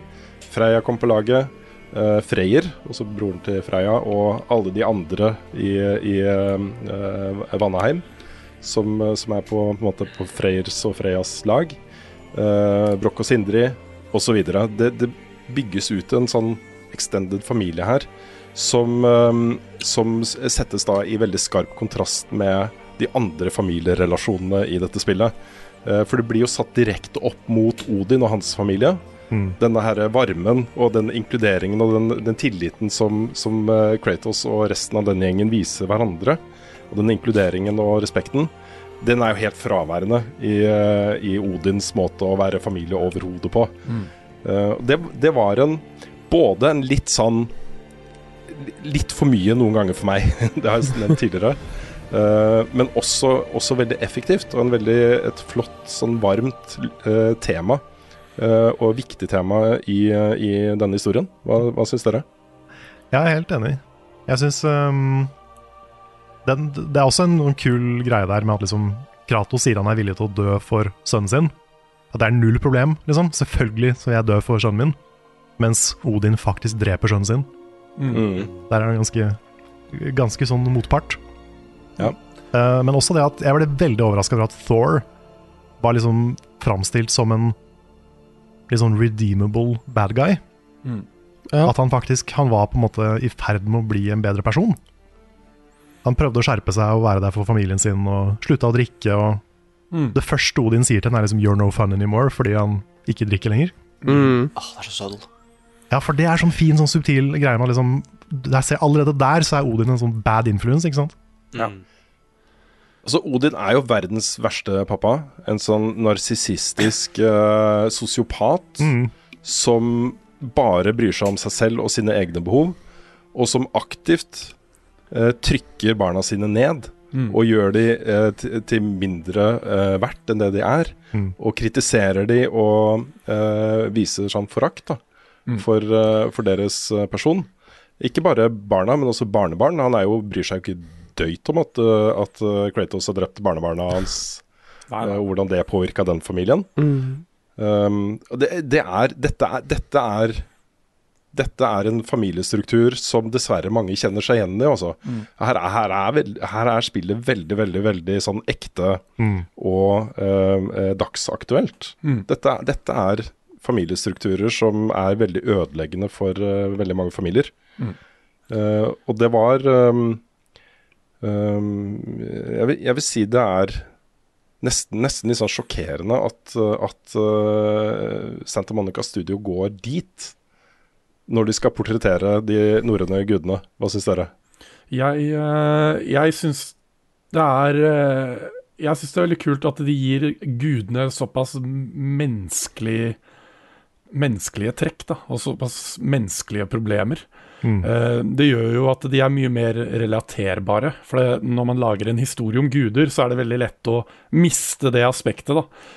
Uh, det at du klarer å relatere til dem. Um, og for min del så har jeg uh, Skal ikke jeg si for mye om det, men jeg har, har personlig erfaring med litt sånn dysfunksjonelle familieforhold og, og, og sånne ting. Og um, jeg syns det er viktig og bra å, å ha sånne ting i spill. Så som du sier, så er det er veldig sjeldent det er sånne type, type skildringer i spill, og da spesielt sånne store Triple A-titler. Uh, at de går inn i det territoriet. da Jeg syns det er veldig, veldig bra. For det er for sånn som folk som har gått gjennom sånne ting personlig og sånn, da, så er det så, så, er det jo litt godt å se at uh, dette er uh, Dette er ting som kan skje selv gudene, da, selv om det høres veldig corny ut, men ja. Ja, nei, fordi både um, uh, Takk for at du deler, uh, forresten. Jeg, jeg, har ikke lyst til å si for mye om det, men jeg har uh, noen lignende erfaringer selv. Mm. og um, da treffer du på en måte litt ekstra hardt, da. Uh, men sånn helt uavhengig av det, så også denne fremstillingen av Trud og Atreas som da disse såkalte løvetannsbarna, som har vokst opp under de forholdene de har gjort, med de foreldrene de har hatt, og den familiestrukturen de har hatt, og som allikevel fremstår som, uh, som veldig sterke personer med veldig tydelige behov. Altså De er veldig flinke til å kommunisere hva de faktisk trenger. Mm. Uh, og Thrud er jo på en måte den som sørger for også at, at uh, Thor ønsker å endre seg, ønsker å slutte å drikke. og det, Bare det at han er alkoholiker, er, det er på en måte Det er så utrolig sånn ekte, da. Ja. Altså det, det, det handler ikke om norrøn mytologi eller noen ting, det handler bare om et eh, faktisk samfunnsproblem. Mm. Um, og disse samtalene som, som Thor og Sif har uh, om uh, hvordan, uh, hvordan Thors oppførsel påvirker datteren deres og alle disse tingene, det er veldig sterkt, altså. Ja. Jeg liker måten de bruker henne på også for å på en måte humanisere Thor mye mer.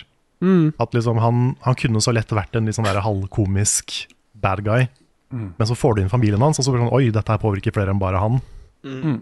Uh, han er litt, livet hans er litt større enn de historiene som Mimir fortalte i det første spillet. Da. Mm. Eller det forrige spillet, jeg burde ikke si første spillet. Ja. Det første Det forrige. forrige spillet. Så er, er det det første, litt, første, nye. ja, litt sånn uh, interessant parallell i forhold til uh, virkeligheten. Eh, hele den der einherjarkulturen og, og slåss- og drikkekulturen. Mm. Og hvordan, hvordan den kulturen at man skal liksom feste og drikke, kombineres med at man har traumer, da, sånn som at Thor blir dårlig behandla av faren sin. Og så er han en del av den kulturen hvor det er kult å drikke mye, og, og hva slags negativt utslag det kan ha. da. Og At han i tillegg er så fanga av faren sin. Han Mm. ser det ikke sjøl, at han blir liksom manipulert og behandla som søppel. da Mm. Før helt til slutt. Da begynner han å se det. Men det tar, det tar lang tid. Og ofte så er det sånn. Du blir liksom gaslighta av folk som behandler deg som dritt, for at ikke du sjøl skal skjønne det. Mm. Den også er veldig real. Altså I anmeldelsen min av det spillet her så trakk jeg parallell til uh, Succession og Logan Roy eh, og Mm. hans posisjon som det familieoverhodet der. Og det er også den type familiestrukturer, særlig i mektige familier, hvor det er mye på spill. Og det er kanskje ikke, ikke bare penger, men også makt. da, Makt og samfunnsmakt. Um, uh, hvor, hvor det blir et sånt lag i familieforholdet som gjør at man oppfører seg på en spesiell måte. Og kanskje blir enda mer tilgjengelig eller tilbørlig til å, til å uh, gå mot sin egen overbevisning for å uh, være in the favor på liksom, familiens overhode, eller CEO, liksom, sjefen for selskapet. Familien AS. Um, og det, det er um, Det at Odin blir portrettert på den måten, er noe av det tøffeste og, og sterkeste og kuleste jeg har sett Mm. i den type portrettering av en antagonist, av en, en eh, en fiende i et spill. Mm. Um, noen gang. Det er i hvert fall satt opp mot hvordan han behandler Atreus. Som Ja. vil ha han ut av, ikke sant? Og bare sånn Mm. der, Her er en gave her for et sverd, og kom og legg deg i det fine rommet her. Og Det, det det, er liksom, det, dette er sånn han manipulerer folk. ja, det å skildre noen som manipulativ, det er, eh, det er vanskelig. Og det er, det er en kunst ikke så veldig mange får til.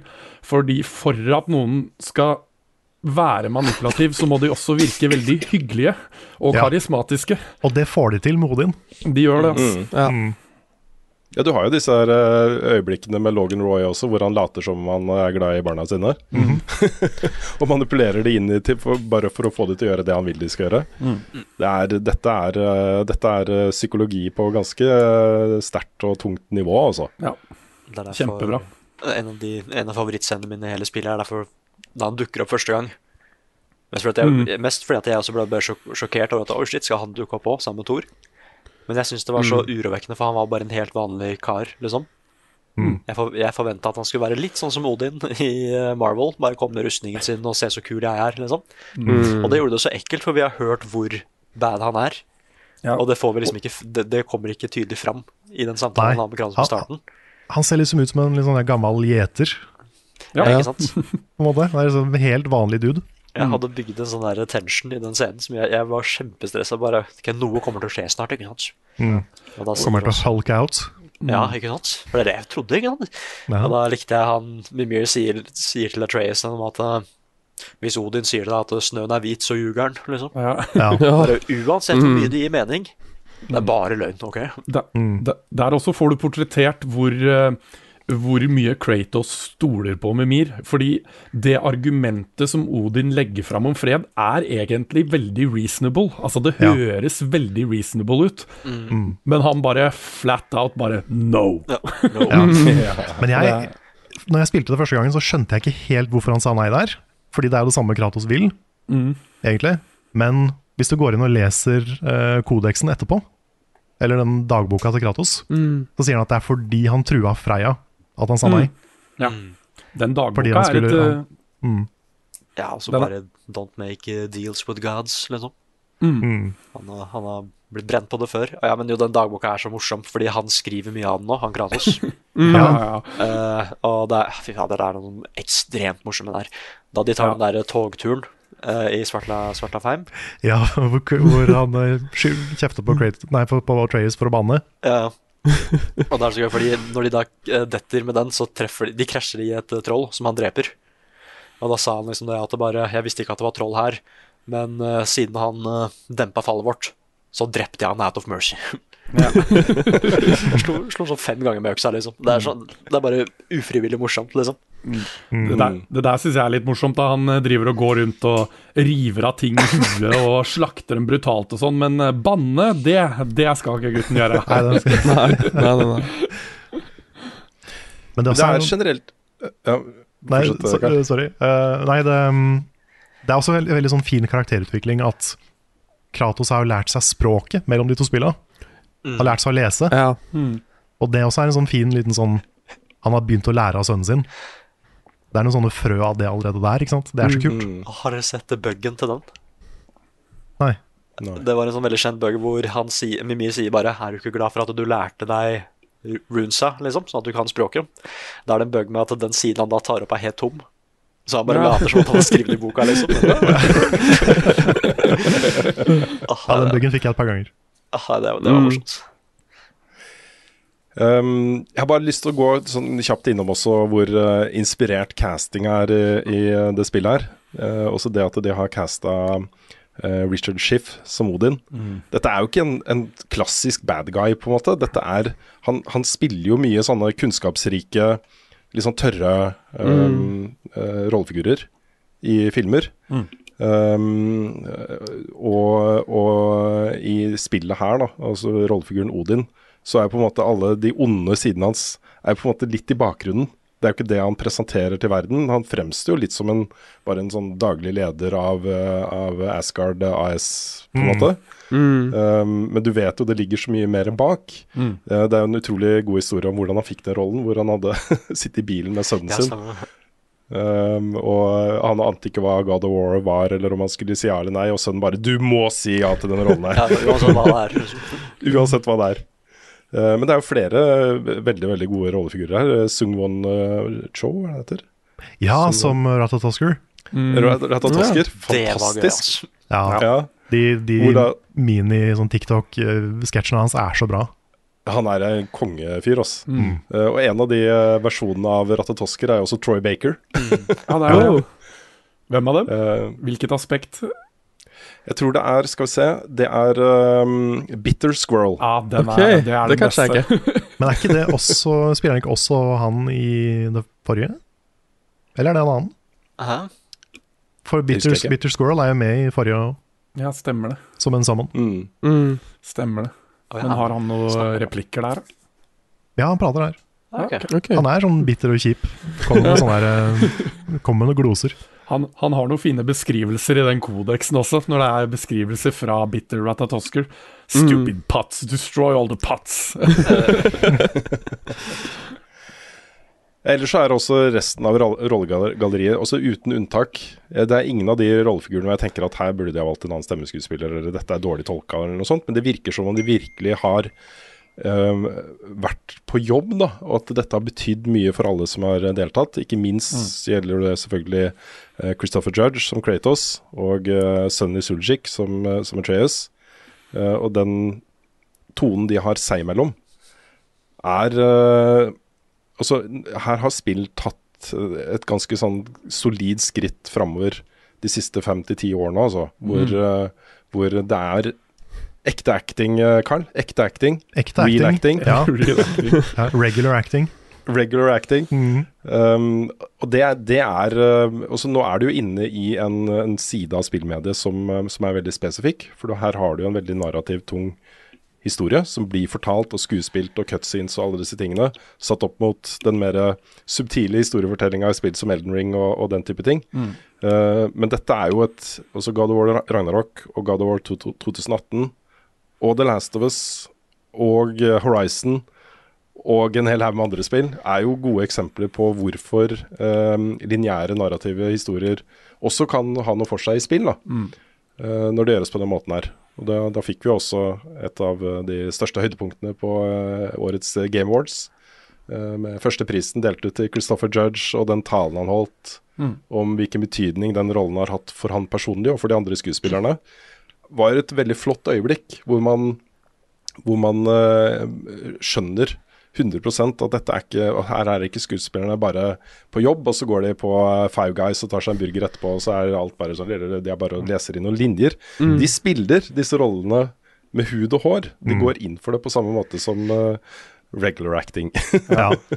Men jeg husker jeg hørte om det på um, Husker ikke hvilken sammenheng, men i Last of Us eh, Part 2 så, um, så gikk jo Ashley Johnson skikkelig i kjelleren når hun måtte spille ut den starten av spillet. Mm. Så det er ganske sånn emosjonelt krevende, det der. Så, Mm. så er det en ting det virker som de har begynt å fokusere mer på i spillverdenen, og som har vært mer en del av filmverdenen før, og det er sånn eh, at de må lese, med, lese manus med hverandre for å sjekke om kjemien sitter mellom skuespillerne før de setter i gang. For du kan ha Mm. to individuelt fantastiske skuespillere, men hvis ikke de har den kjemien, så du merker det, altså. Eh, og, og sånn som i God of War, hvor det er full motion capture og kroppsspråk kommer fram og sånne ting også, som er en helt ny dybde i, i hvordan man spiller en eh, karakter da, i forhold til spill, så er det ja, det er kult at de begynner å ta det ordentlig seriøst. For det er, eh, det er så, sånne ting er ekstremt viktig. Hva spørre dere, hva, hva, hva tror dere Al Pacino faktisk tenkte om, eh, om eh, Christopher Judge når han sto bak ham på scenen, og Christopher Judge i gulldressen sin og gullsneakers og spiller hovedrollen i et dataspill, og hva tror du han faktisk tenkte? Han er jo av den gamle skolen, og eh, den gamle skolen er, er jo kjent for å være litt trangsynte. Så du har jo sånn som Scorsese som har gått ut og sagt at han ikke syns Marvel er cinema og, og, Mm. og sånne type ting. Jeg, jeg har en mistanke om at Pacino kanskje er en del av den sfæren der, altså. Ja, jeg er litt sånn Hver gang du tar den derre I gotta be honest, I don't play a lot of video games. Så er det sånn, Ja. Det føles litt som en sånn ting de sier fordi han ikke har lyst til å bli tolka som en som gjør det. Mm, På en måte At det, Noen ganger så er det litt som en sånn unnskyldning til de, de som sitter i salen, men det er også en litt sånn derre Don't worry, guys, jeg er ikke en av de, altså. Ja, jeg, er, jeg er så drittlei. Jeg, jeg, jeg skulle gjerne sett et uh, Game Awards uten Al Pacino, Mm. bare fordi han sa det. Det er sånn Ja. Hvorfor er du der da, liksom? Hva, du har ikke noe her å gjøre. Nei, er det ikke sånn gullstikka var i alle år? Man liksom det kom Jo, jo, jo. kjendiser opp på scenen og så bare Nei, jeg spiller ikke spill, da, men Ja, Det var ikke alle år, men det var ett år hvor eh, NRK hadde tatt over senderettighetene til, um, til uh, Gullstikka. Mm. Og det var arrangement på jeg tror det var Sentrum Scene i Oslo, eh, med svært sceneopplegg og sånt. Og nesten uten unntak så hadde de henta inn da eh, A, B og C-kjendiser fra NRK-sfæren til å dele ut priser. Mm. Og ut, nesten uten unntak så kommer de opp på scenen og sier Ja, nå spiller ikke jeg dataspill, da, men eh, det var én etter én, og det var Jeg ble mer surrere og surrere gjennom Ja, hele Ja, det er flaut, ass. ja, det var ordentlig flaut.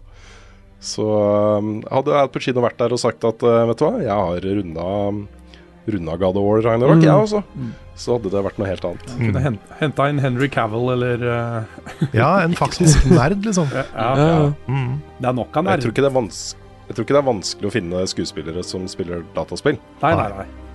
Det er det nok ikke. Er ikke det, altså.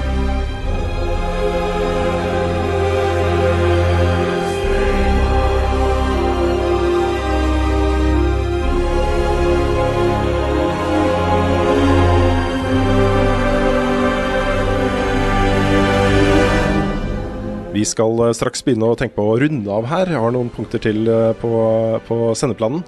Men før vi går gjennom de, er det noe vi ikke har snakka om nå, som dere sitter og brenner inne med nå? Noe dere har virkelig lyst til å ta opp, så er ordet fritt. Throod er hype. jeg likte hun kjempegodt. Throod er en Ja. fin karakter, altså. Ja, veldig bra karakter. Jeg håper, det er liksom Der også har du en spin-off med henne med Mjølner. Mm. Hun tar jo over Mjølner etter uh, rulleteksten. Og liksom En eldre Throod med Mjølner, er, det er sånn Kan gi Aloy en run for her money. Ja, absolutt. Ja, vi er tilbake til den parallellen vi har snakka om eh, tidligere. Eller en parallell, en, eh, en, en side av spillet. Fordi hun vil jo bli valkyrje. Det er jo hennes store drøm her i livet. Mm. Mens uh, foreldrene hennes er sånn, særlig faren da, bare du, du kan jo ikke bli en valkyrje. Du er jo ikke verdt det, det er jo de tøffeste krigerne, og du er jo ikke en sånn du. Ja, er, det ikke, er det ikke mora som er imot det? Ja, det er mora kanskje det som Ja. er veldig Mm. sterkt imot Men det. det også Ja. er en twist som ikke jeg så komme. Fordi um, Sif får du jo et kjempedårlig inntrykk av. Hun er liksom Ja. bare hun derre kjipe, sure modellmora. Mm. som- Pent hår, da. Veldig pent veldig pent hår. Veldig pen generelt. Mm. Uh, men hun er liksom du får et skikkelig sånn drittinntrykk av henne. Mm. Men så viser det seg på slutten at grunnen til at hun ikke får lov å bli Valkyrie, er jo fordi de er redde for Odin. Ja. Men konsekvensen er jo uansett at, uh, at de bygger jo ned Truds selvbilde Mm. og selvfølelse. Mm. Som jo også er en vanlig feil foreldre kan gjøre. Det er sant. Uh, Ja. Så um, ja, det, det er tilbake til det med løvetannbarnet og sånne ting. Hun er en utrolig sterk og flott rollefigur, altså. Mm. Det er jo en litt parallell til hvordan Kratos eh, og Atreus hadde sitt forhold. At eh, Kratos gjorde jo det han gjorde bare fordi at han ville beskytte, beskytte han. Eh, Sif sin motivasjon er jo akkurat det samme. Mm. Det bare har en litt eh, negativ konsekvens eh, Mm. på selvtilliten. Ja, sant. Og så likte jeg veldig godt når Sif tok det store sverdet i munnen, og så, gikk på alle fire og begynte å slåss med det. Ja, det var ja. fint øyeblikk. Foran grava til han Artorius. Ja. Mm. Um, jeg har lyst til å også snakke litt mer om, om Angerboda. mm. Og Ja. den sekvensen med bestemoren hennes. Ja. Hvor, hvor uh, du er jo inne, og hun er jo en kjempe-kjempe. Mm. Um, og de tingene som, uh, som hun da skriker etter henne når dere forlater det huset, Mm. det også gjør så vondt å høre på, altså. Ja. brutalt. Men det også er sånn prima-eksempel på noe som spill for ti år siden, eller fem år siden, hadde gjort annerledes. Mm. For da hadde du liksom Da hadde du ødelagt den der uh, krukka eller balja eller whatever, og så hadde du blitt snill igjen. Mm. Det er sånn, Ja. «Å, ta, 'Takk for at du ødela det, nå er jeg, nå er jeg meg sjøl igjen'. Mm. Men så Ja. gjør de ikke det. Nei. Og det er, så, Mm. det er så bra de ikke gjør det. Ja. For det er, det er så mye mer ekte. Mm. Og det er jo også Angerboda er jo en uh, veldig interessant rollefigur, fordi hennes øh, fremtid er jo spådd. Uh, hun har visst hele tiden akkurat nøyaktig hva hun skal gjøre resten av livet, men de spådommene stopper jo opp på et punkt. Og det er på en måte Treyes som overtaler henne da, til å leve sitt eget liv og ta sine egne valg, og ikke bry seg så mye om hva hennes skjebne egentlig skulle være, men, uh, men bli på en måte sin egen person. da. Mm. Og, det, og det føles litt som om de to gjør det sammen. Nå etter, også etter rulletekst og etter at spillet er over, så er det litt det jeg ser for meg uh, skjer da, i dette universet her. Mm. At de to på en måte utforsker verden sammen og gjør ting sammen og Ja. uh, lever sine egne liv. Ja. Mm. ja, Det er trist å høre at du følte du hadde pika som 16-åring. Det var liksom, «Å, nå, er, det ikke noe mer til meg. Det er Mm. kjedelig. Det er litt kjedelig. Mm. Spesielt eh, når de lever dem vel eh, De har vel lengre liv enn eh, vanlige dødelige også, så det er Mm. ekstra trist Mm. sånn sett. Jeg tror de, de kan få veldig pene barn. Ja. Ja. absolutt. det. Ja. Kanskje det blir en ny generasjon med God of War. Mm. Kanskje det. kanskje det. Sønnen eller dattera til uh, Atreas og Angerbolla. Mm. Mm. Er det andre, andre deler av spillet eh, dere har lyst til å ta opp nå? Det er ikke en eh, veldig stor ting, men jeg bare lyst til å nevne det, fordi det er et av de største hakesleppsøyeblikkene for min del. Uh, når du fighter en bjørn på starten, og så viser det seg at den bjørn er Atreus. Ja, det var kult. Det var, det var bare jeg måtte, Det måtte nevnes, fordi det var, det var så kult. Det var helt, jeg satt helt med hakene på knærne. Mm. Helt i starten av spillet liksom kommer en sånn Ja. Ja. Mm. Og den heter bare Bjørn, med, Ja. på norsk. Ja. Ja, Med og hele pakka. Mm. Det er også en eh, herlig callback både til norrøn mytologi, men også til 2018-spillet. Hvor uh, når uh, Atreus finner ut at han er halvt gud, Mm. så spør han jo Kratos om Tror du jeg kan uh, bli dyr? Kan jeg Ja. forandre meg selv til dyr? Mm. så er det der det starter, liksom. Det er fett, altså. For Loke, Loke er jo en shapeshifter i, i, i Mm. mytologien, så det er Det er det. eh, kult at de har det med. Tydeligvis eh, Odin òg. Ja. Så er det jo Angerboda som eh, hjelper uh, Trace med å håndtere de kreftene. Mm. Det er også en, eh, et stilig moment. Mm. Men ok. Jeg har skrevet her i sendeplanen, uh, som ikke er veldig lang, det er uh, bare noen stikkord her og der, men her står det bare location, location, location. Mm. Og er det, hvis man skal snakke om God of War Ragnarok som en sånn teknisk ting, um, så det er, også, det er helt vilt hvor bra dette ser ut. Og jeg husker da jeg spilte det gjennom første gang, så var jeg for det første dritsur for at det ikke var noe photomode. Mm. Um, uh, og det var fordi jeg hadde lyst til å lage en sånn derre uh, David Attenborough um, reise-naturskildring fra dette spillet her. Ja. Hvor jeg bare fikk sånne nærbilder av alle de forskjellige dyrene og skapningene og plantene og alt som var der. Mm. Det er altså så mye detaljer i flora og fauna i det spillet her at jeg blir helt gæren av det. Mm. Det er helt vilt, altså. Mm.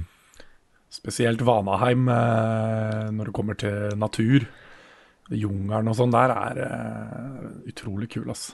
Mm. Ja, det og, og Ironwood, de, de to Ja. lokasjonene som naturopplevelser er bare Tenk at vi har kommet dit, da. Tenk at spill ser så bra ut. Det er helt vilt, altså. Og det her er jo eh, på begge generasjoner. Det her er jo både PlayStation 4 og PlayStation 5-spill. Ja. Så eh, Mm. potensialet for hva det kunne ha sett ut som hvis de hadde lagd det eksklusivt kun for PlayStation 5, er jo eh, ganske høyt. Ja, vi har sett litt av det nå i, i, um, i The Callisto Protocol, Mm. uh, som jo er utvikla bare for eh, next gen og PC. Mm. Mm. Det, er også, det ser også lekkert ut at det er helt vilt. Ja. Uh, og hvis man har kikka litt på, på Unreal Engine 5 og de mulighetene som er med de AI-generering av, eh, av miljøer og, og sånt der vi, vi går en, en litt sånn ny gullalder i møte her nå, altså. Ja. Uh, tror jeg. Altså, Ra Ratchet Clank uh, Rift Apart ser helt insane ut. Det er fortsatt en av de Mm. peneste spillene jeg noensinne har spilt. Og det er på starten av generasjonen. Så. Mm. En ting er jo at grafikken ser såpass pen ut, men det er liksom detaljnivået i det er Masse små skapninger som springer rundt, og liksom uansett hvor du snur deg, så ser du noe interessant og noe kult, og som, som ikke har noe betydning for noe som helst, men det er bare Verden føles så utrolig levende ut på grunn av det. Mm. Mm. Var det noen andre som prøvde å kaste øksa på de små apene i Vanaheim, eller er det bare meg? Ja, ja, ja. ja, det har gått med mye uskyldige, uskyldige dyr uh, i min playthrough her. Men det var litt fordi jeg ville se er det, er det noen av de som det kan skje noe med, liksom, hvis man Mm. prøver å Mm. gjøre noe med de. Mm. Um, Nei, det er nok Ironwood for meg òg, som er eh, sånn visuelt uh, høydepunktet. Så mye farger! Det, er, det Ja. eksploderer i farger. Men også Asgard, da. Var jo Ja. dritpent på en annen måte. Ja, det å komme til Asgard første gang og bare se den norske naturen bre seg ut på den måten det gjør der, og så Mm. det store det veggen av fjell som du skal klatre opp, det var et uh, flott øyeblikk, altså. Ja. Der også har du kanskje en annen karakter som muligens kunne vært kutta. Han derre lille Midgard-boyen. Ja, da hadde du ikke fått Vi skal snakke litt om øh, postgame-innholdet her også. Da hadde du ikke fått den scenen hvor han øh, henter den mynten som øh, Kratos kaster fra seg i starten av spillet. Den tror jeg ikke jeg har fått. Ah, det Ok, er ja. Du finner den Finner den i, i Midgard. Han driver prøver å grave ut den mynten som har Ah. kilt seg inn i en sånn stein. Um, når det kommer til location, så er min favoritt eh, Det er når du skal eh, til Muspelheim for å få med deg Surter. Og du drar eh, til det stedet hvor Muspelheim og Nifelheim møtes. Mm. Ja. Eh, hele den der kosmiske greia, og bare to verdener som krasjer og Mm. Det var pent. Ja, det Jeg er veldig sånn sucker for sånn kosmiske ting, da. Når det kommer til et sånt nivå, så er jeg Da er jeg med med en gang. Jeg Mm. liker når det er epic. Vi har en sånn greie med Tyr, hvor uh, vi har snakka mye om Tyr, uh, og, og det at han var Odin uh, gjennom store deler av spillet tidligere i denne spoilercasten. Men etter rulletekst så kan du reise tilbake til, til Er det Niflheim? Niflheim, Eh, og da har det åpna seg en ny path rett ved det treet alle ravnene er i, hvor det er et fengsel. Og nederst i dette fengselet så finner du da den ekte Tyr, og slipper han fri. Mm. Det var en sånn sekvens Jeg var så glad jeg fikk være med deg på det, Nick. Da streama du det til meg i Discord, så kunne jeg bare oh. være der når du fant Tyr på ekte. Det er så gøy, for du sa Um, bare Har du vært der? Nei, Mm, ja. Nei, kanskje, kanskje er det Ja, du spurte først, da. Du spurte hva er det du snakka om eh, det etter rulletekst. Og så spurte jeg vil du virkelig vite det. Stemmer det. Så jeg kan si hvor det er, og så kan du finne ut av hva det er selv. Ja. Nei, det, var, Um, det var kjempekult. Det var, eh, jeg var veldig spent på hva jeg skulle finne der nede. Um, Mm. Og det har noen law implications der, altså. Det er det, altså. Mm. Har dere forresten Ja, hvilke da? Ja, er, det, er det ikke det at uh, alle personene som Odin utgir seg for å være, er i det fengselet? Mm. Ja, du kan finne alle sammen. Ja, Det har jeg tenkt på i den eh, delen um, hvor du får vite den ekte profetien til Groa.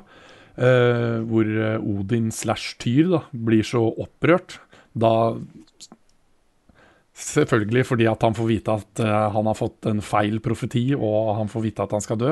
Mm. Men når han drar med seg den derre elf uh, Light Elf-bossen, så tenkte, tenkte jeg ettertid kanskje det var for å fengsle hun og ta Ja. et, Sånn at han kunne kopiere og være hun, da. Mm. Ja, for det er, en, det, det, er en, eh, det er veldig gøy å spille dette spillet på nytt. Jeg må innrømme at, eh, at med God of War 2018 så var jeg sånn jeg ville umiddelbart spille på nytt. Og jeg spilte helt gjennom og koste meg masse. Og når jeg er ferdig med det, så ville jeg umiddelbart spille det en gang til. Og så gikk det litt tid, og så ville jeg ta det på Gimme God of War, og det var også fett. Mm. Jeg har ikke det samme forholdet til Ragnarok. Jeg Nei. har um, Jeg tror det har litt å gjøre med størrelsen på spillet, kanskje? Ja, jeg tror også det. At jeg ble litt mer forsynt når jeg var ferdig. Mm. Jeg fikk jo også platinum uh, f- eh, dagen det kom ut. Ja. Eh, så da jeg mangla én liten dritt-trophy for det, Mm. som jeg ikke hadde klart å finne på egen hånd. Um, så kanskje litt sammenheng med det. Men det er uh, Gjenspillbarheten er nok større når du får det litt mer på avstand, tenker jeg da. Men Mm. eh, jeg har i hvert fall spilt to tredeler av det på nytt. Og det jeg satte mest pris på da, det var jo å se alle nyansene i hvordan eh, eh, Odin som tyr eh, oppførte seg, Mm. og hva han sa, og Ja. hvordan man kunne tolke det når man visste at ja, dette er ikke tyr, dette er Odin. Det var ordentlig eh, stilig del. Litt sånn eh, se sjette sansen på nytt. Ja. Mm. Type følelse. Og det hamrer jo virkelig fast den der master manipulator-rollen som han har. Mm. Ja, for alt får en dobbel betydning. Alt Mm. han sier får en eh, dobbel betydning når eh, du vet at det er Odin. Mm. Um, det er jo også sånn i dette spillet som det var i det forrige spillet, at når rulleteksten har kommet, så kan du jo fly rundt og gjøre det du ikke har gjort. Um, du kan ha gjort ganske mye, da. Uh, jeg vil si Mesteparten av innholdet kan du ha gjort bare sånn valgfritt gjennom, uh, enspill, også gjennom historien. Mm. Um, du får jo hele tiden beskjed om at uh, nå kan du gå og gjøre den tingen som det er meningen du skal gjøre, men du kan også se om det er noe vi har gått glipp av i uh, Alfheim f.eks., eller Og så gjør man det, da. Mm. Ja. Mm. Jeg var ganske letta over at jeg gjorde nesten alt før rulleteksten. Fordi da kunne jeg gjøre det med Atreas. Mm. Det kan du jo ikke etter. Nei. Men det er jo noe postgame-innhold her som faktisk er postgame-innhold. Mm. Uh, litt bosser som dukker opp uh, og sånne ting. ikke minst så kan du jo reise rundt og se hvor mange steder du klarer å finne tyr på. For Mm. Han reiser da rundt i, i The Nine Realms og bare reflekterer over ting. Han står og gjør yoga i, i Vanheim, og han står inne i den der realmen uh, i Muspelheim uh, foran de kosmiske greiene og bare kikker og lurer på hva har skjedd her, egentlig. Kult. Ja, det er veldig stilig. Mm. Hva likte dere med postgame her? Valkyrie-fighten. Ja, Jeg syns fortsatt, fortsatt de er mye kulere enn de nye. Mm. De, hva heter de? De der um, Berserkers. berserkerne, ja. Mm. Jeg syns Valkyriene er et par hakk kulere enn de. Altså. Ja, det er jeg enig i. Mm. Sånn u rent utseendemessig og Mm. Ja. Jeg er enig der. Valkyrier er kulere. Det er jo basically Sigrun-fighten på nytt, er det ikke det? Eh, samme movesettet, nesten. Ja, litt mer Jeg tror det er litt mer moves, bare. Har Ja, men- litt ekstra. Det er meninga at den skal være Det meningen at den skal være litt vanskeligere, tror jeg, men jeg føler ikke at den var det. Så jeg vet ikke. Nei, jeg husker jeg sleit Første gang sleit jeg veldig lenge med Sigrun. Mm. Men uh, den her tror jeg jeg tok på tre-fire forsøk. Det, ok, fordi her slet jeg veldig. Ja, uh, jeg slet mye mer med Gna enn jeg gjorde mot Sigrun. Og det var litt av grunnen Jeg syns Sigrun var så genialt designa i det at du fighta liksom Var det ni Valkyries først, eller noe sånt? Eh, og alle hadde sånn tre-fire unike moves som du lærte Ja. deg å håndtere. Og så Mm. kommer Sigrun, og så har hun alle movesen til alle tidligere Valkyriesen. Mm. Som vil si at hun Du vet jo aldri hva hun kaster imot deg, men uansett hva hun kaster imot deg, så har du på en måte vært borti det før. Mm. Uh, og derfor så ble den fighten litt lettere å håndtere, da. Men her så hadde ikke du den fordelen. Alt, alle angrepene var nye, og alt måtte jeg lære meg å dodge, og Ja, sant. Um, Men jeg tror grunnen til at det gikk så greit for meg, var fordi det ikke er så lenge siden jeg spilte 2018. Ja. Derfor så Mm. jeg basically fighten fra da. Ja, ikke sant. Men, men det har jeg merka veldig når jeg ser på damaspillet, da, at uh, playstyle i forhold til hvem boss du møter, har sinnssykt mye å si. For du har bosser hun, eh, hun tok på første forsøk, som jeg holdt på med en time, og, Mm. og motsatt. Eh, det er veldig gøy å se hvor mye det har å si, da, hva slags bild du har, og hva slags mm. runic abilities du velger å fokusere på, og sånne ting. Mm. Litt sånn som Dark Souls. Litt sånn som Dark Souls. Ja, litt sånn som Dark Souls. Nei, jeg tror aldri jeg ville ha en spillfigur så mye vondt som jeg ville ha Gna. Fordi der var det Hun var så, var så cocky også, så når at, etter at jeg hadde dødd et par ganger, så begynte hun å si sånn No matter what you try, the results will be the same. Mm. Og jeg bare åh Jeg fikk det ikke til, vet du. Jeg tror jeg brukte fem timer på den fighten. Oi, såpass. ja. Ah, Ja, ja, du skal få på uh... Ja, det var sammenhengen også, som var liksom uh, Skulle skull ha platinum. Nei, den bossen, Mm. bossen jeg sleit mest med, i hvert fall sånn i storyene, det var Hrist, Hristomist. Uh, oh, ja. Den tok dama på første forsøk. jeg holdt på med den i over en time. Så det er Ja, en den av de tok jeg jo på første.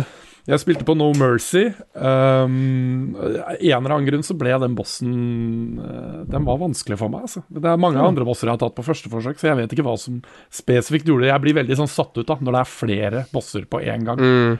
Mm. Ja, den eh, Berserker-fighten der du fighter mot én dude og to søstre, søstre. Så det, Ja. Den var jo nest vanskeligst for meg, tror jeg. Det var Den sparte jeg helt til slutt, så jeg kunne bare overpower de. Jepp, jeg også. Ja, litt sånn Apropos, da, så er det jo et område i dette spillet her som skiller seg litt ut. Og det er jo det Crater-området i Vanaheim. Baneheim. Mm. Um, det er jo ment, tror jeg, da, som et endgame-område. For der får du jo uh, utstyr og armor som har liksom level 9. Mm. Uh, det høyeste levelet du kan få i spillet. Mm. Um, så det, dette er jo et sted hvor du kan gå ut og farme opp uh, rollefiguren din. Du har jo også den brønnen som du kan kaste eh, disse um, steinene inn i og få de materialene du trenger for å oppgradere armen din. Ja. Det er også en fin, en eh, det er også en fin uh, glose fra Kratos. Med Liksom, uh, Mimir spør om vi skal kaste Atreus inni oppi der, for at han bare renser litt. Han begynner å lukte litt. Og så sier Atreus sånn jeg, jeg Lukter jeg vondt? Og så kommer det fra Kratos It is natural. ja. Natural musk. Yes. Mm.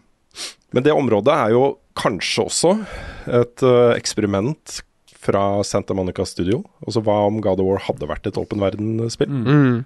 Mm. Hva hadde, det, hadde dere foretrukket det? Kontra en litt, den litt mer lineære opplevelsen resten av spillet her. Ja. ja, for det er jo utvilsomt det største området som er uh, valgfritt i spillet. Ja, helt Mm. nå. Men da, da skal de ha det i open world, så må de, som jeg nevnte i starten, da må de fikse på bevegelsesfriheten. Uh, for det er mye usynlige vegger i det spillet her, altså. Mm. Ja. Men jeg De kunne f.eks. hatt en sånn uh, magisk hest som de kunne summone, som kunne hoppe opp Ja, på kan noen punkter. og sånne ting. Ja. Ja. Mm. Men Nei, men jeg jeg liker egentlig at det er litt lineært. Mm. Jeg har ikke noe behov for å ha et open world uh, God of War, egentlig. Nei. Jeg liker at det er lineært. Jeg, bare, jeg syns det var litt for mange falske hindringer for å lage puzzles, på en måte. Mm. Mm. Ja. Det er veldig, veldig videogamey. Mm. Det er det. Ja. Det er sånn, hoppe, det gidder vi ikke. Ja, ja. Nei. Kunne bare slått ned den veggen her, men eh, nei. Nei. Mm. Jeg hadde et litt annet problem med akkurat det området. Det var jo eh, når jeg dro tilbake dit for å uh, fullføre trophies og sånne ting. Så er det jo du har både en dag-natt-syklus, hvor noe er tilgjengelig på natta, noe er tilgjengelig på dagen. Eh, og så er det også såpass stort og åpent at man ikke helt vet hvor man skal se etter de tingene man mangler. Mm. Så jeg ble liksom bare gående rundt og leite etter ting og fant ikke, og ble til slutt ganske frustrert. da. Mm. Eh, det var jo litt fordi jeg var på en spesifikk jakt etter eh, noen items jeg trengte for de siste trofeene. Mm. Men eh, allikevel så ble ble jeg litt frustrert av det området, ja, altså. selv om det var kult å være der første gang. Å ta den dragen og, og redde han duden og de tingene. Mm. Uh, så når jeg skulle tilbake dit, så var jeg sånn ah, dette var litt mye. Mm. Ja. Men det, det der elementet med at du på en måte restaurerer hele området, Ja. det er kult, syns jeg. Mm. At du får liksom elva til å flyte, til å gå igjen, og du får uh, naturen til liksom komme tilbake på, på rett kjøl. Ja. Mm. Det er veldig kult. Ja. Vi um, nærmer oss eh, slutten. Jeg tenkte vi kunne eh, avslutte med å uh, drømme litt og synse litt og tenke litt om uh, framtiden til God of War. Er det noen som tviler på at det kommer flere God of War-spill her? Nei, det gjør det. Gjør det. Ja. Så det er en grunn til at uh, Kratos lever. Mm. Mm. Mm. He's not done. Men, Men er det, noe, er det noe potensial her? Vi har litt det samme Nå blir det en spoiler for en helt annen spillserie, men det er jo litt den samme eh, mulighetene som åpna seg eh, i, i Uncharted 4. Mm. Du, du har jo muligheten her til å gi stafettpinnen til Trace. Mm. Eh, tror dere de kommer til å gjøre det? Ikke enda. Jeg tror ikke de tar sjansen på det enda, for det er ehm, det, det kan være de testa litt, uh, testa litt vannet nå ved å, ved å gjøre Atreus spillbar uh, så mye som de gjorde, for å se hva tilbakemeldingene var. Så, det kan jo hende, men eh, jeg veit ikke, altså. Det er, det er et stort steg å ta. Jeg kjente jeg savna det skikkelig, fordi etter rulleteksten så stikker jo Atreus Atreas av gårde og gjør sin egen ting. Uh, og han er borte. Og jeg har, vært over hele, jeg har vært over hele verden for å se etter han. Jeg hadde lyst til å ta en siste prat med han, liksom. Jeg hadde lyst til å, å, å ta, være litt med Atreas igjen. Men han er, jo, han er jo ingen steder, og da blir jeg sånn Jeg vil gjerne vite hvordan det går med han, og hva, hva hans liv blir nå, etter dette her. Ja.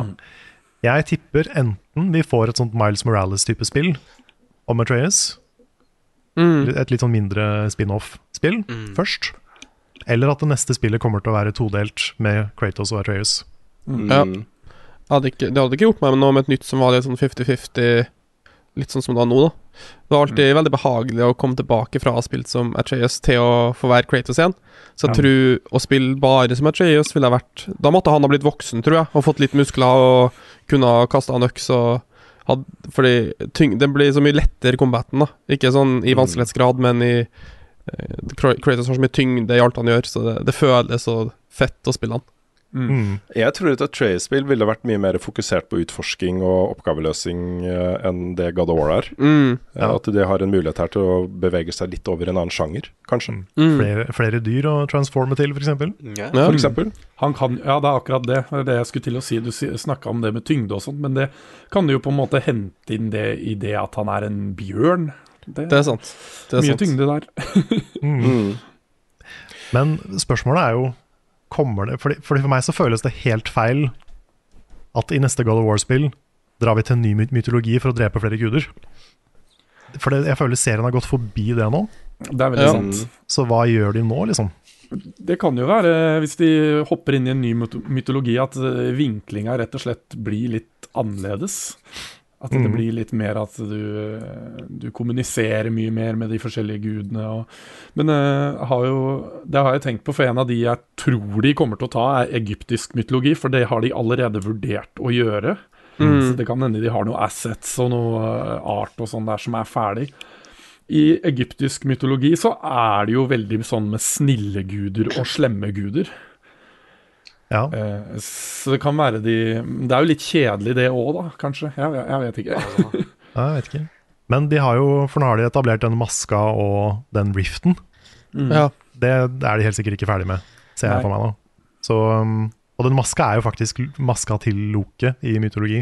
Det er jo samme som The Mask er basert på. Ja, ok. Egentlig samme maska.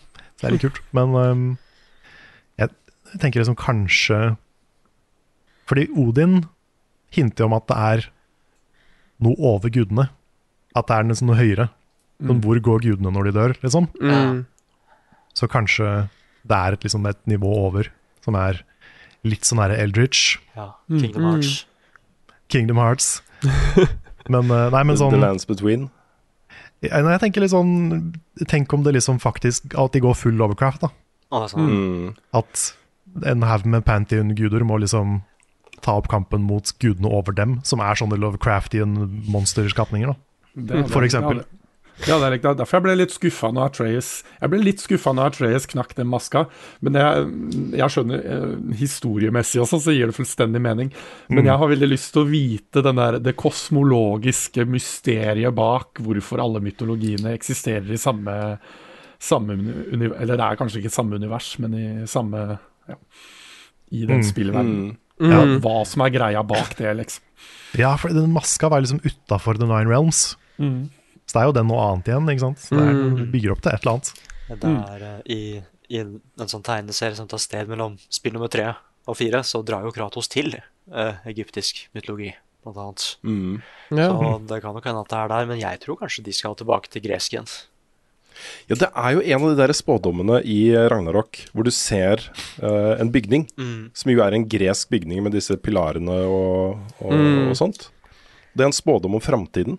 Var det et hint, eller? Ja, Jeg har tenkt på den siste Kratos ser. Mm. Ja, for det, det har vi ikke snakka om. Det er jo det siste som skjer på en måte i eh, main storyen. Mm. At, at eh, han går bak den der profetien og ser sin egen framtid. Hvor han blir jeg tolka det som at han ble tilbedt som en gud. Ja. Og liksom at han fikk den der kjærligheten som han aldri har fått. Mm. Mm. Og Det, hva syns dere om det? For jeg følte ikke helt at det var nok etablert. At det var det Kratos på en måte drømte om. Å ja, for her, dette er jo mitt favorittøyeblikk. Ja, ja, ja. fordi jeg, jeg er litt nysgjerrig på om liksom den traff andre mer enn den traff meg.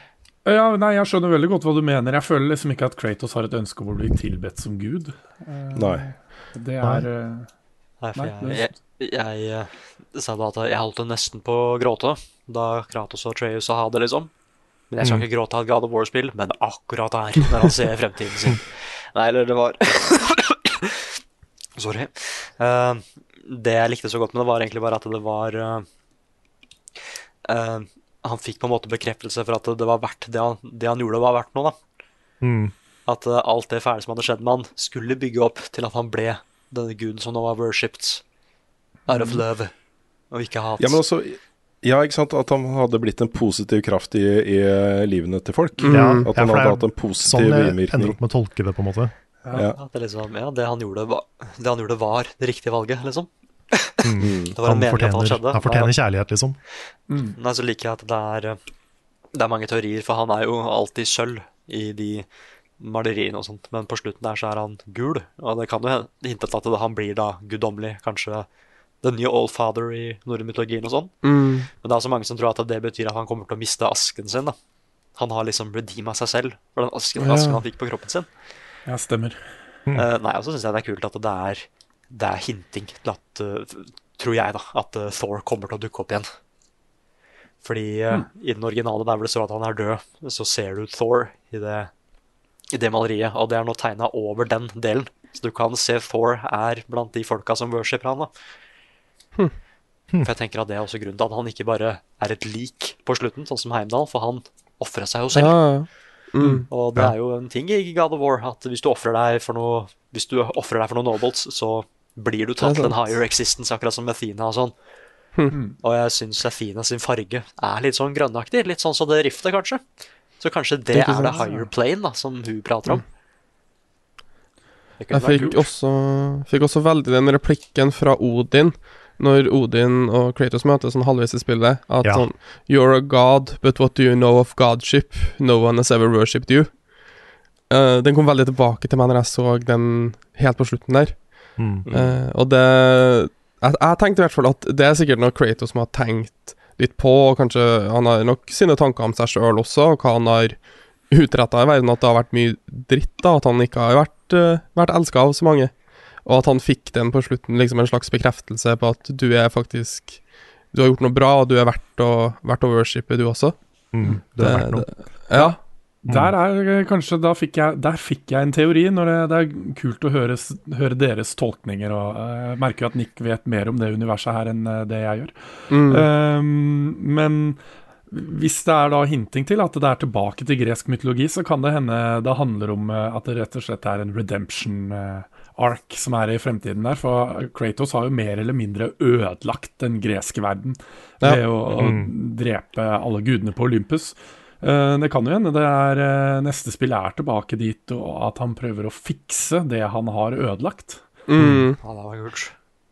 Kanskje, kanskje det blir flere mytologier på en gang? Ja, det tenkte jeg også, at det er en mulighet. Mm.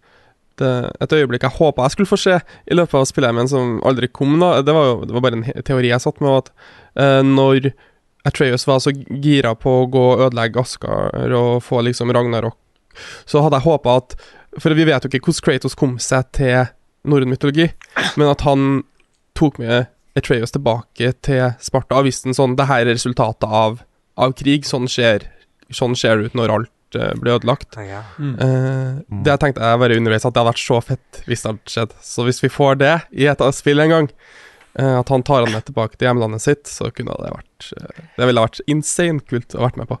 Mm. Det er gøy hvis det var sånn Utopia. Det er sånn New York og sånn der, og så Kratos er der. Men de, de sa jo at dette her skulle være det siste norrøne spillet. Mm. Mm. Men de kan jo ikke være helt ferdig, for nå er liksom Atreus er jo fortsatt Loki, og Thrud er der ute med Mjølner. De er vel ikke ferdig med alle de tinga, liksom? Sindri kommer kanskje tilbake. Kan, kan jo være at de karakterene blir med til en ny mytologi. Eh, Ja, Freya òg, ikke sant. Det er litt sånn ja. Det er rart hvis hun bare forsvinner nå. Ja. Siden Kratos hjalp dem, så kan hende de vil hjelpe han i å restaurere mm. den greske. Det kunne vært en eh, morsom vri. Starten på neste God of War, vet du, så ser du først bare tre-fire sånne små barn eh, driver og leker rundt i en eh, vakker hage, og så eh, kommer liksom Kratos og Freya og så nå må det være middag, må du komme inn, og så setter de seg til bordet, ikke sant, og så banker det på døra hardt på døra, og så er det Horus. Eller noe sånt. Jeg kunne egentlig tenkt meg også å se Inka- Inka-mytologien Ja. og God of Ja. War, for der er det mye dark shit. ass. Det er en kul, der er det mye kult. Hvilke, hvilke mytologier er det som, vi kan, eller som de kan bruke? Det er jo Og det er mange. Egypt, ja, det er egyptisk, og så er det inka, så er det Kinesisk. Japansk. Kinesisk, ikke. Japansk. Er Maya, er det kanskje noen? Ja, Maya og Inka ligger jo litt nærme Ja. hverandre, men Ja, det det, det er jo en egen ting. Ja. Det er en del kule afrikanske mytologier også, som har blitt veldig lite representert i noe medie, som hadde vært veldig gøy å se. Mm. Nei, eller sånn åpenbare Jesus Christ, liksom. At du skal drepe Gud, Gud, liksom. Ja, Men spørs om de det- tør å gå dit. eh. Ja, America, det spørs det. Altså. Nei, men uh, en sånn japansk mytologi i gadet vårt tror jeg også kunne vært kjempekult. Mm. Men det var jo Har de ikke gått ut og sagt det, Nick? Det vet sikkert du. Ah. At uh, en av de originale sluttene på God of War skulle være at han endte opp med å bli en av de tre vise menn? Ja, stemmer det. Det var en sånn uh, Du kan se sånne mu- murals Murals, er det det heter? Av og sånn i spill nummer to. For du kan se inn i fremtiden av at Olympus går under og sånn. Og det siste er da tre stykker som går, følger den stjerna, da. Så det var masse teorier at uh, det var liksom de forskjellige Kratosene fra andre mytologier og sånn. At det kanskje Tyr Ja, var var den ene Kratosen, og Ja, altså, det var det ikke Tyr, Horus og, og uh, Kratos? mm, at Ja, de det kan hende. hadde samme rollene liksom, på de forskjellige mytologiene etter hvert. Ja. Nei, så siste Altså, det, er, det er tre gods of war som sier hallo til Jesus. Ja. Nei, de skal slåss mot Jesus, så klart. Han er en men- Skal han er slåss mot baby Jesus. Det er mye kult Ja, er å liksom så hente fra Bibelen, altså. Eh, Så for Ja. min del kan gå, godt gjøre det. Men, altså, gamle, gamle det. testament-gud var ganske hardcore. Ja, Mm. De kommer ikke til å gjøre det. Men, eh, men ja, ja, det hadde vært, det hadde vært spennende. ja. Hmm. Jeg, tror, jeg tror ikke de tør det vepsebordet, men det hadde vært spennende. Skal vi konkludere, folkens? Er det noen som eh, fortsatt sitter inne med noe de absolutt har lyst til at vi skal snakke om eh, her? For nå, dette er siste mulighet. Hmm. Jeg er ferdig, i hvert fall. Ja, De Ja. kunne sikkert sitte i to timer til, men jeg er fornøyd nå, altså. Ja, jeg syns uh, Thor var den kuleste bossen. Thor og Garm, kanskje. Ja. Jeg, Jeg skulle, jeg skulle ønske det var litt mer trickery i Odin-fighten, Mm. Ja. kanskje. Ja. Var ikke meningen å avbryte, Andreas. Ja, nei, eh, Rist og Mist syns jeg er den kuleste main boss fight, men det er mye pga. set-piece, at du er der oppe, liksom. Mm. Eh, Og så er det valkyrjer, da. Valkyrjer er alltid fett. Mm. Jeg eh, tenker vi lar det være siste, siste ord.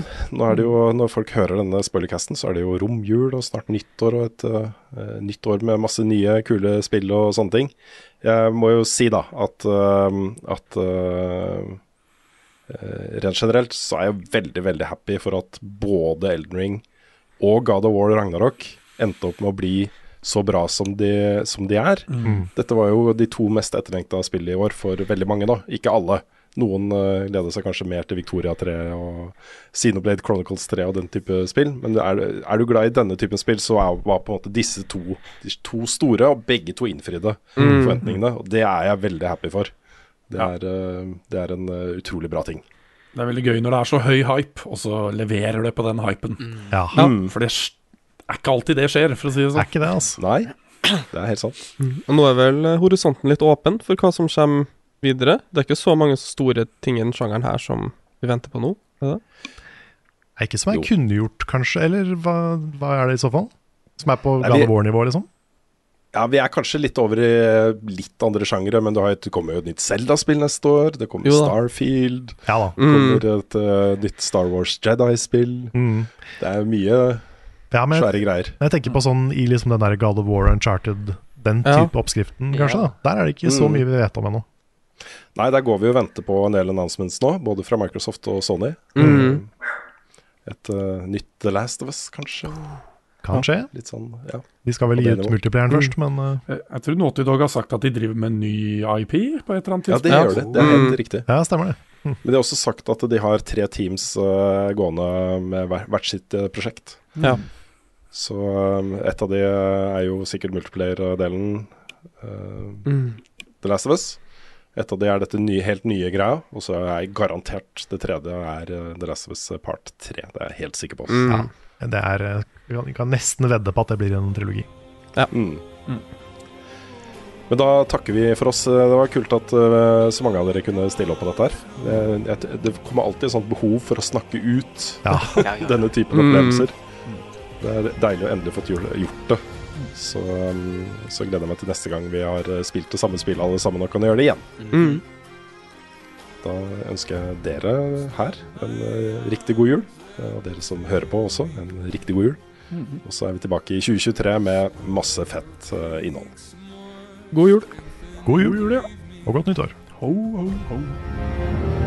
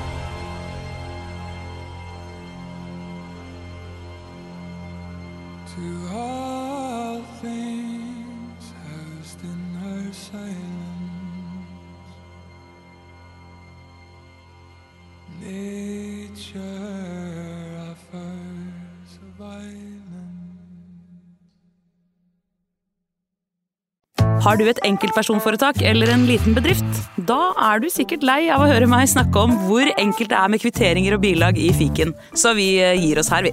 Fordi vi liker enkelt. Fiken superenkelt regnskap.